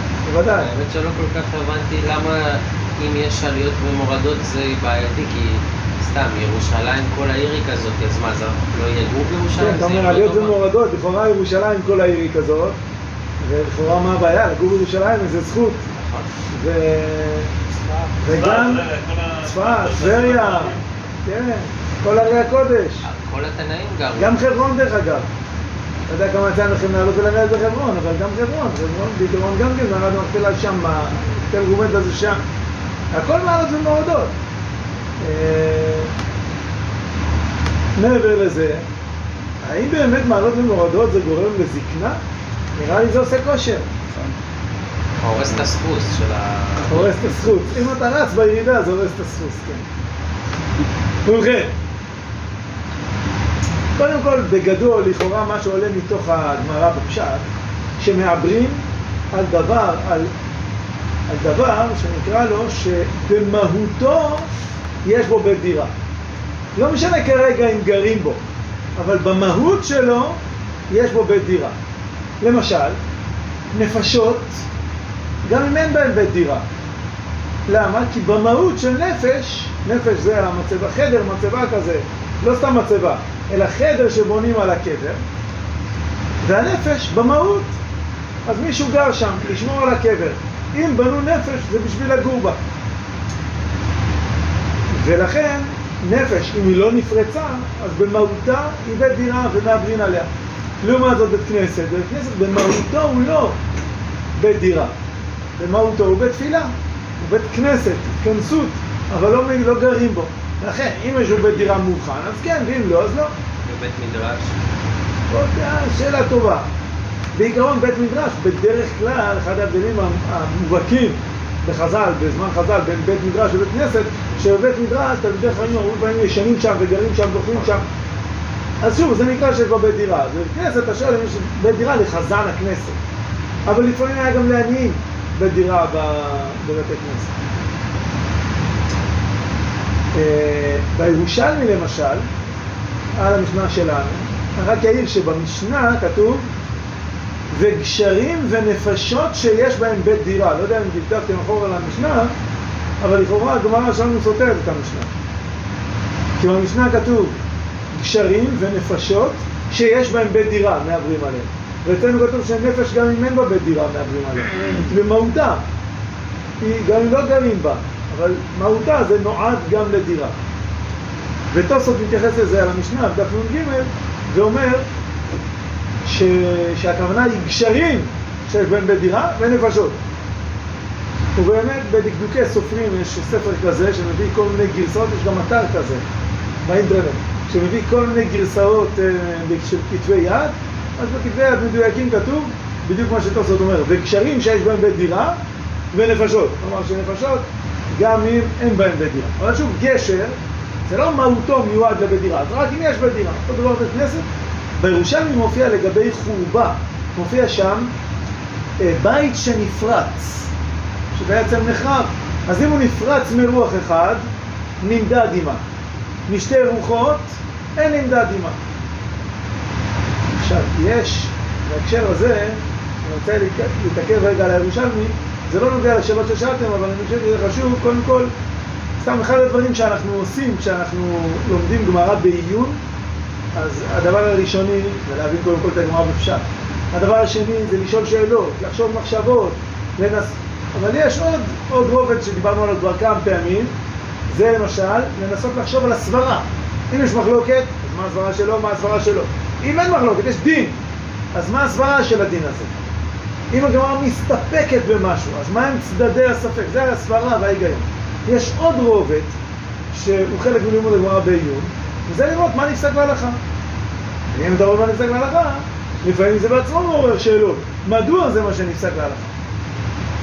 ובאמת, חלק משמעותי מתחילת הסוגיה אצלנו, זה לגבי נפש שנפרצה משתי רוחותיה. הרי ראינו שאם זה שלוש מחיצות, הגמרא מתחילה כך, מה יגידו דיוט? זה שלוש מחיצות שאין עליהן תקרה. אם היה לו שתי מחיצות ויש עליהן תקרה מהו? כלומר, אם זה שלוש מחיצות בלי תקרה סבבה, אבל אם זה בעצם שתי מחיצות וגג, זאת אומרת זה גם כן שלוש צדדים. בעצם, אם רגע נדייק את זה, למעשה יש שישה צדדים למרחב. ברגע שיש לך שלוש צפונות, יש לך גם את הקרקע. הקרקע לא בורחת, זה לא על פי התהום. ולכן, אז יש בעצם כבר ארבעה צדדים. כן, זה שלוש דפנות וקרקע. עכשיו מה הדין? יש קרקע, גג ושתי דפנות, זה גם ארבע. אז גם, השאלה אם זה נחשב, לא נחשב.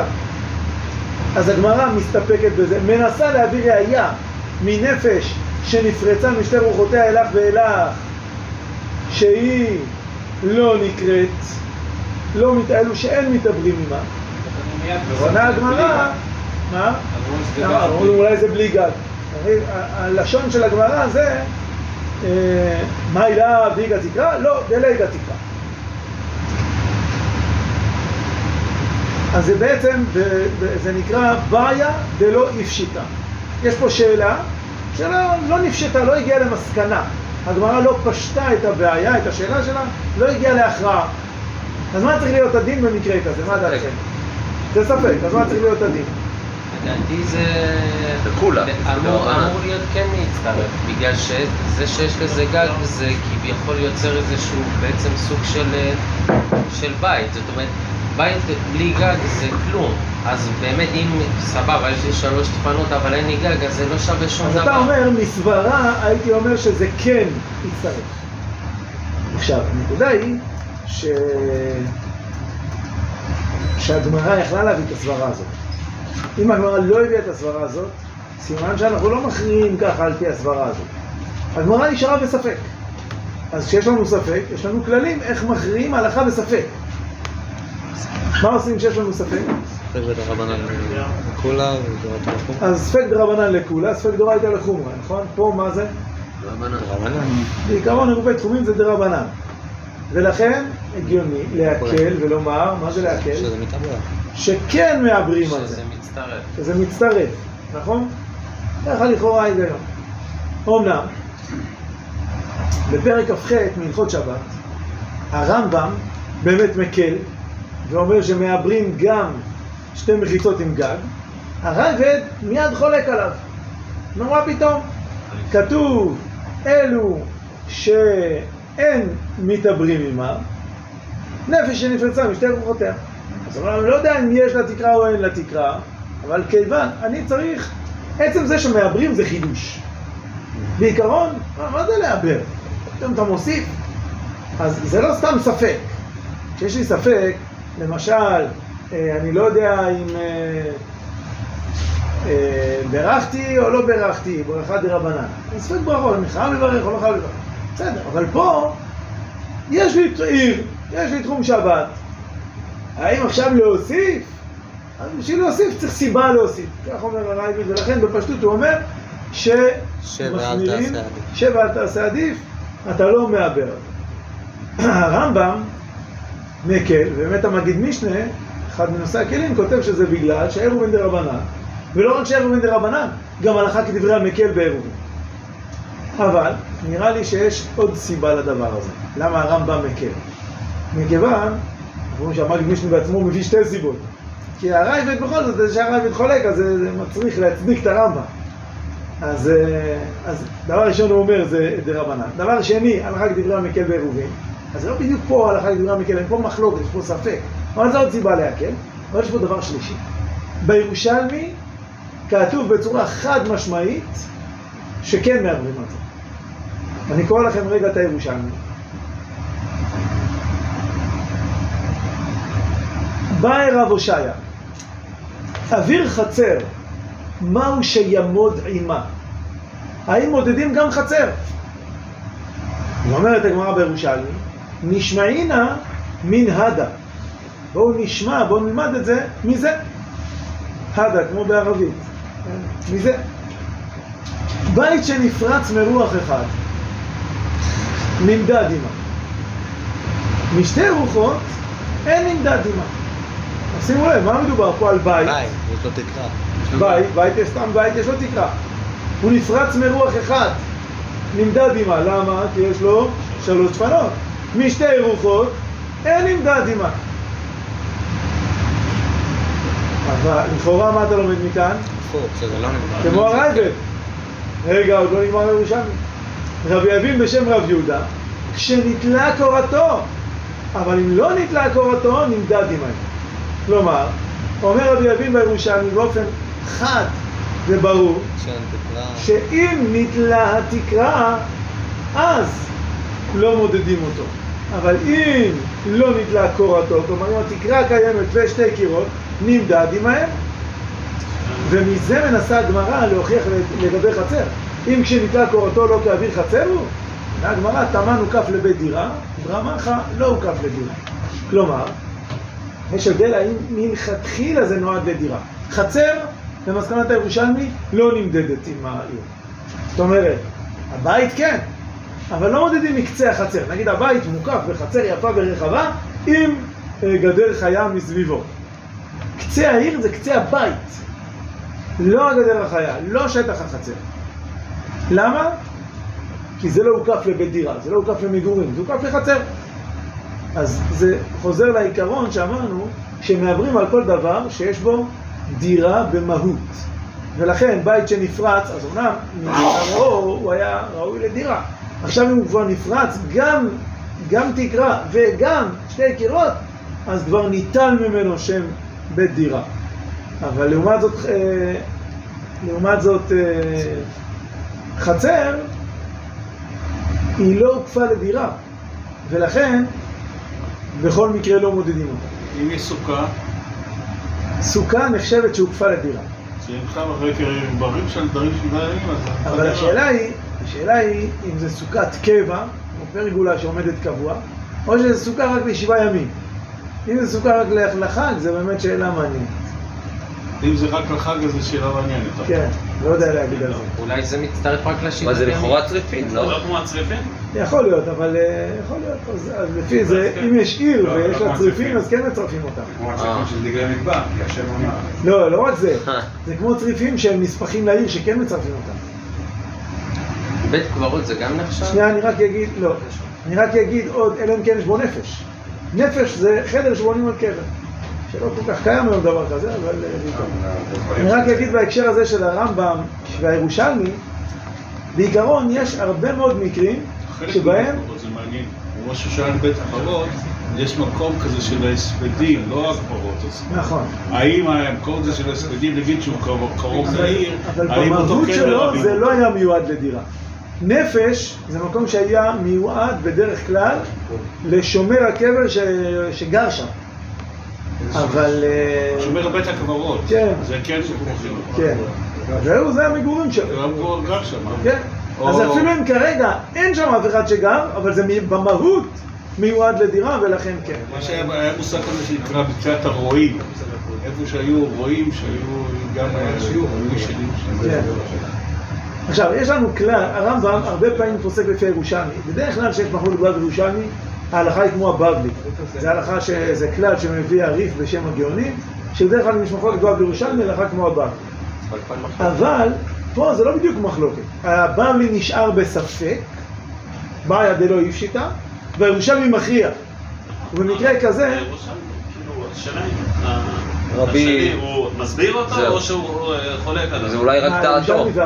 לא, רבי יוסי לא, ורבי בתוך. הירושלמי. רבי אביב, כן, אבל הוא הירושלמי... מסביר את ה... הירושלמי לא צודק שהוא, לא, קודם כל יש שם ברייתא, ורבי יבין שהוא המורה, הוא לא יכול לחלוק על הברייתא, הוא מסביר אותה. וזה בעצם, זה המסקנה של הירושלמי. פשט הגמרא בירושלמי שם מעלה, וזה המסקנה. עכשיו יש לנו כלל שמופיע בספר שדי חמד, אה, שהוא של הרב חיים חזקי המדיני, שהיה הרב של חברון, והוא מביא כל מיני, זה כמו אנציקלופדיה על כל הש"ס, אנציקלופדיה על גמרא בעיון, ויש שם בחלק ט', יש שם הרבה כרכים, בחלק ט' יש שם חלק שנקרא כללי הפוסקים, ושם הוא מביא שכאשר הבבלי נשאר בספק והירושלמי מכריע, אז ההלכה היא כירושלמי. ולכן זה, לפחות הרמב"ם, הרמב"ם הרבה פעמים פוסק ירושלמי, אבל לא תמיד. אז ניסו לגבש כל מיני כללים, מתי הרמב"ם פוסק מירושלמי, מתי לא, זה אחד הכללים, אז פה זה עונה, עונה על הכלל הזה. אז זה ככה קצת אה, התפלפלנו בפסיקת ההלכה. הרב, למה לא? אבל שנייה, בתוך זה למדנו שתי דרכי לימוד, שני עניינים בדרכי לימוד. אחד, שגם עיון בהלכה, לראות מה הוא פסק, מה הוא פסק, למה, זה גם חלק מלימוד הגמרא בעיון. והדבר השני, להשוות לירושלמי. הירושלמי הוא בעצם תמיד, גם תלמוד הבבלי, גם תלמוד הירושלמי, זה נכתב בעיקרון באותו דור, למניין הנוצרים, בין שנת 200 למניינם ל-400 למניינם. הירושלמי נחתם קצת יותר מוקדם, בסביבות 300, הבבלי המשיך עוד 100 שנה בערך אחר כך. ובסוף זה המוראים, חכמי ישראל, שאלה גרו בארץ ישראל, בגליל בעיקר, זה נקרא אמנם ירושלמי, אבל זה רק בשביל לתת כבוד לירושלים. באותה תקופה ירושלים חרבה, והם גרו בגליל, ואלה גרו בבבל, והם אה, עסקו באותן משניות. אז הרבה פעמים כדאי להשוות. אה, שוב, לא, לא הכל אפשר לעשות בסדר קצר ומצומצם כמו שיש לנו פה, אבל בעיקרון זה כדרך לימוד להשוות בין הבבלי לירושלמי, זה נותן לנו תמונה יותר שלמה, דרך אגב עשינו את זה גם לגבי מעברים ומעברים, באלף ועין, אם אתם זוכרים, אז גם יש מחלוקות דומות, זה לפעמים פותח את העיניים. אורן, אתה רוצה להגיד משהו? כן, רציתי לשאול לגבי, לפי משמע מזה שנפרצו שתי רוחות, בדרך כלל אתה אומר ארבע רוחות השמיים, ארבע רוחות השמיים זה צפון, דרום, מזרח ומערב, זה לא מתייחס ללמעלה ולמטה. אז משמע כביכול לבוא ולהגיד שזה שני רוחות זה משני צדדים ולאו דווקא מלמעלה. נכון, לכן זה מחזק את מה שאומר רבי ידין, שלא נתלה קורתו. נכון.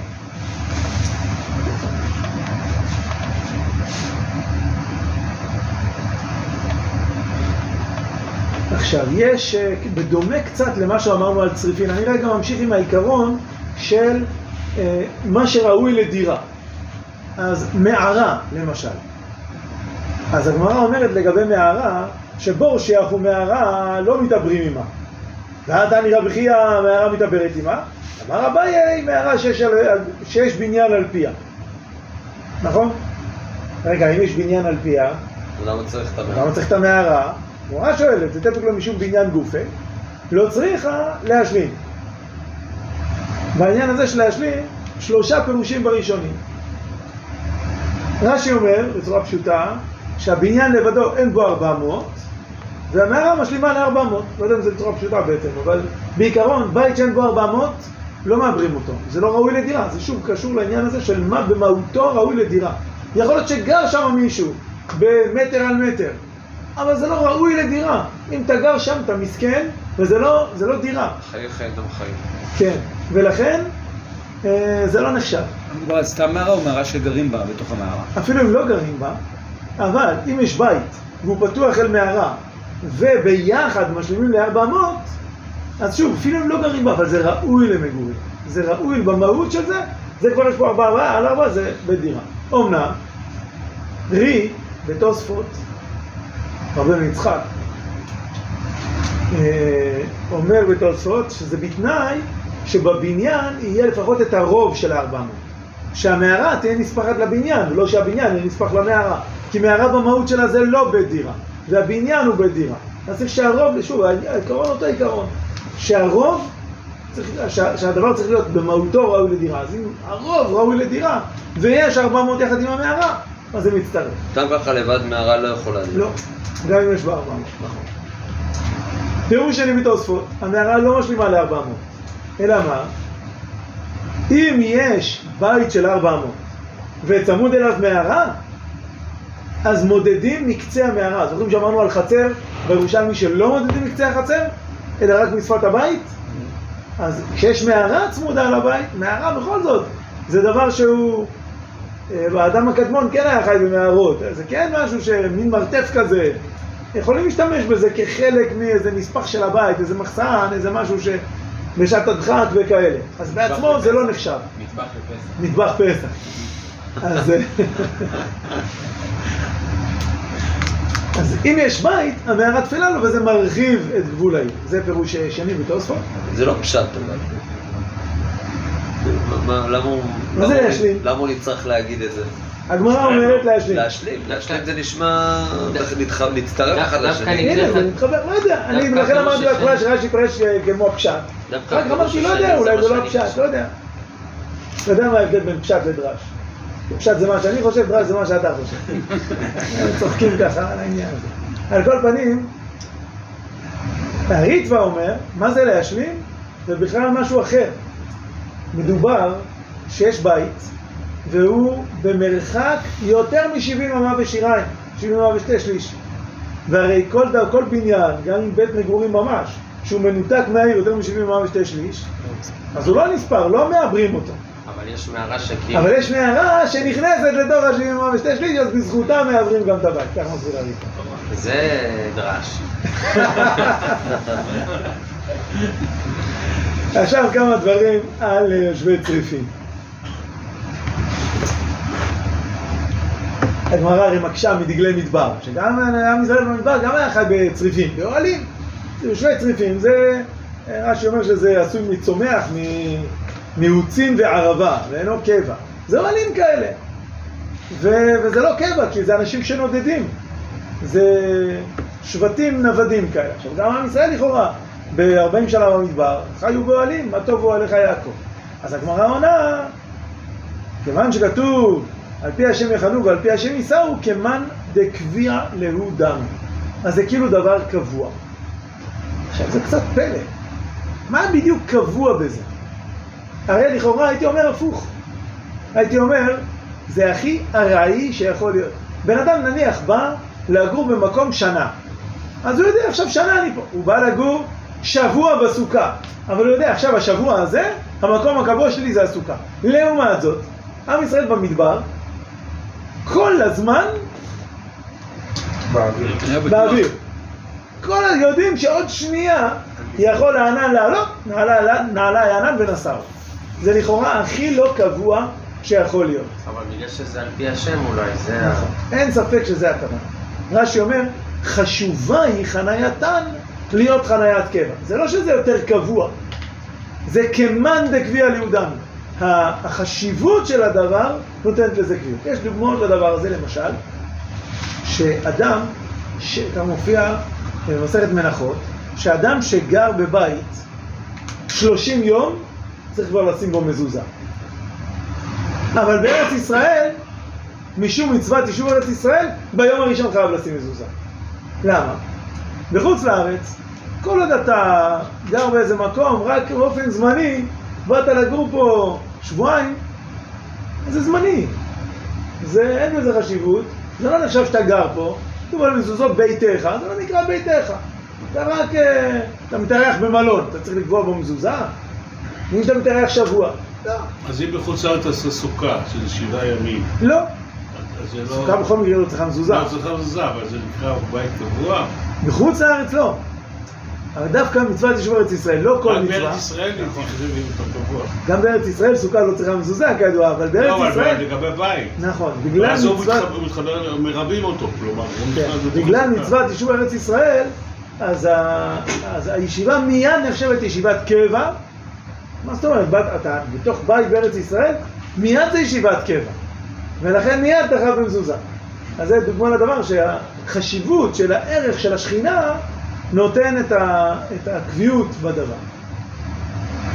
וזה מתחבר לחיזוק שאמרנו בהתחלה, שכשיש, שעל פי השם יחנו ועל פי השם יישאו, כשמתחברים לשכינה, אז זה נותן גם את הכוח של הקביעות. עכשיו, בעצם המשמעות של הדבר, ברגע שנוסעים, אז אפשר להגיד כבר, זה כבר, מה שהיה קודם כבר מתבטל. נכון, ברגע שהם נסעו, אז מה שהיה קודם מתבטל. מתבטל, ומה- והמקום החדש זה נחשב פתאום הקבוע. הבית הקבוע.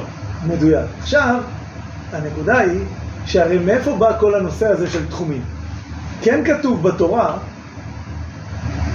על ידי איש. שבו איש תחתיו, אל יתש במקומו ביום שביעי, נכון? מה זה מקומו? מה מוגדר המקום? אז המקום מוגדר העיר. לכאורה למה? אולי הבית שלי זה המקום שלי, אולי השכונה. החלטנו שהעיר. מה הופך את אוסף הבתים להיות עיר? הזכרנו את הדבר הזה גם בשיעור הקודם, קראנו לזה, יש מושג שבפסיכולוגיה ובכלכלה, מה שנקרא פרדוקס הערימה. יש לי אה, ערימה של קיסמים. אם יש לי שני קיסמים, זה ערימה של קיסמים? זה שניים, אם זה שלושה. אם זה חמישה, מתי זה הופך להיות ערימה? אפשר לשאול את זה על קיסמים או על גרגירי חול או על כל דבר. אז השאלה היא, מה הופך אוסף בתים לעיר? אז פעם שעברה דיברנו על הצורה. אם זה קשת, אז במהות של זה זה לא עיר. ככה בעצם ראינו בסוגיה הקודמת. כאן הגמרא מדברת על המהות של מה, מה בעצם התוכן שמחבר את כל האנשים האלה. עכשיו שימו לב, אנשי המדבר, הולכי מדבריות, כל יושבי הצריפין האלה, מצד האמת, מאוד מחוברים אחד לשני. אולי הכי מחוברים אחד לשני. יודעים על התפילה. לא רק שהם יודעים כל מה שקורה אחד אצל השני, לפעמים בצורה שלילית, כמו בעניין הטבילה, הם תלויים אחד בזה, כמו ש... כשאני הגעתי לאימון מתקדם, אז בכניסה לבסיס היה שלט ענק, אם לא נהיה תלויים אחד בשני, נהיה תלויים אחד ליד השני. וזה, זה בהולכי מדבריות, זה ממש ככה. הם תלויים אחד בשני בדברים של חיים. יכולים להתקיף אותה והם צריכים להגן נכון, הם. מגינים אחד על השני, הם אה, שומרים אחד לשני, הם גם פוגעים אחד בשני, כי הם יודעים הכל אחד על השני, מנצלים אחד את החולשות של השני, אבל הם ממש חיים אחד בתוך השני. זה לא דומה לעיר. בעיר, בטח בעיר כמו שהיום, אתה יכול לגור בבניין ולא להכיר את האנשים האחרים שאיתך בבניין. אתה רואה פרצוף במעלית, אתה לא יודע אם הוא גר פה, אם הוא שליח של פיצה, אם הוא... לא, לא יודע, אין לך מושג. עכשיו, אה, אנחנו כן לומדים פה אולי שיש איזה עניין, שיש, אה, שיש עניין שיהיה איזה משהו בעיר. אבל דווקא יושבי צריפין, והולכי מדבריות, שהם לכאורה מאוד מחוברים, אבל זה לא חיבור. למה זה לא חיבור לעומת דגלי מדבר? זה חיבור שהוא נטו אינטרסי. זה רק אינטרסנטי. זה לא באמת חיבור של תוכן. ומה זה בא לידי ביטוי? שנייה. ומה זה בא לידי ביטוי? בזה שכל הזמן הם עוברים ממקום למקום. זוכרים שדיברנו באחד השיעורים הראשונים על המילה מקום. אל יצא איש ממקומו. ואמרנו שמקום זה במשמעות של קיום. הקדוש ברוך הוא נקרא המקום. המקום ברוך הוא. ולמה? כי הוא מקיים את העולם כולו. הוא מקומו של עולם. הוא מקומו, זאת אומרת, זה מה שמקיים אותו. אדם שיש לו בית בנוי עם מקום, יש לו קיום. ואדם שכל הזמן הוא נודד ויש לו צריף שעובר ממקום למקום, אין לו בעצם נקודת קיום. אז הנקודת קיום שלו זה הישרדותי, זה אינטרסי. אני צריך אותו בשביל שהוא יביא לי מים כשהוא בא לעיר. אני צריך אותו בשביל שהוא ישמור עליי ויגן עליי כשאנחנו מתקיפים אותנו. אבל זה הכל אינטרסים, ואין פה שום תוכן אמיתי משותף. ופה אני חוזר לשאלה שאמנון שאל, האם זה משהו בבתים או משהו באנשים? והתשובה היא שזה הולך תמיד ביחד. כי אנשים שגרים בצריפין, שנודדים כל הזמן, זה משפיע המון על הנפש של אנשים. סליחה, קטעתי אותך קודם באמצע. גם גם בעיר אין קשר בין האנשים. בעיר, גם אם לא רוצים, יש קשר בין האנשים. מה הכוונה יש קשר בין האנשים? בעיקרון, קודם כל, מקום, יש לו משמעות. האם זה מקרה שחולון מתעצבת באופי מסוים, ופתח תקווה באופי אחר, ובני ברק באופי אחר? למרות שזה ערים קרובות יחסית, אבל נכון, אופי של עיר גם יכול קצת להשתנות במשך השנים. ויש הרבה ערים שמשתנות, שאתה רואה את זה, אבל אה, אה, יש פה איזה מרקם של עיר.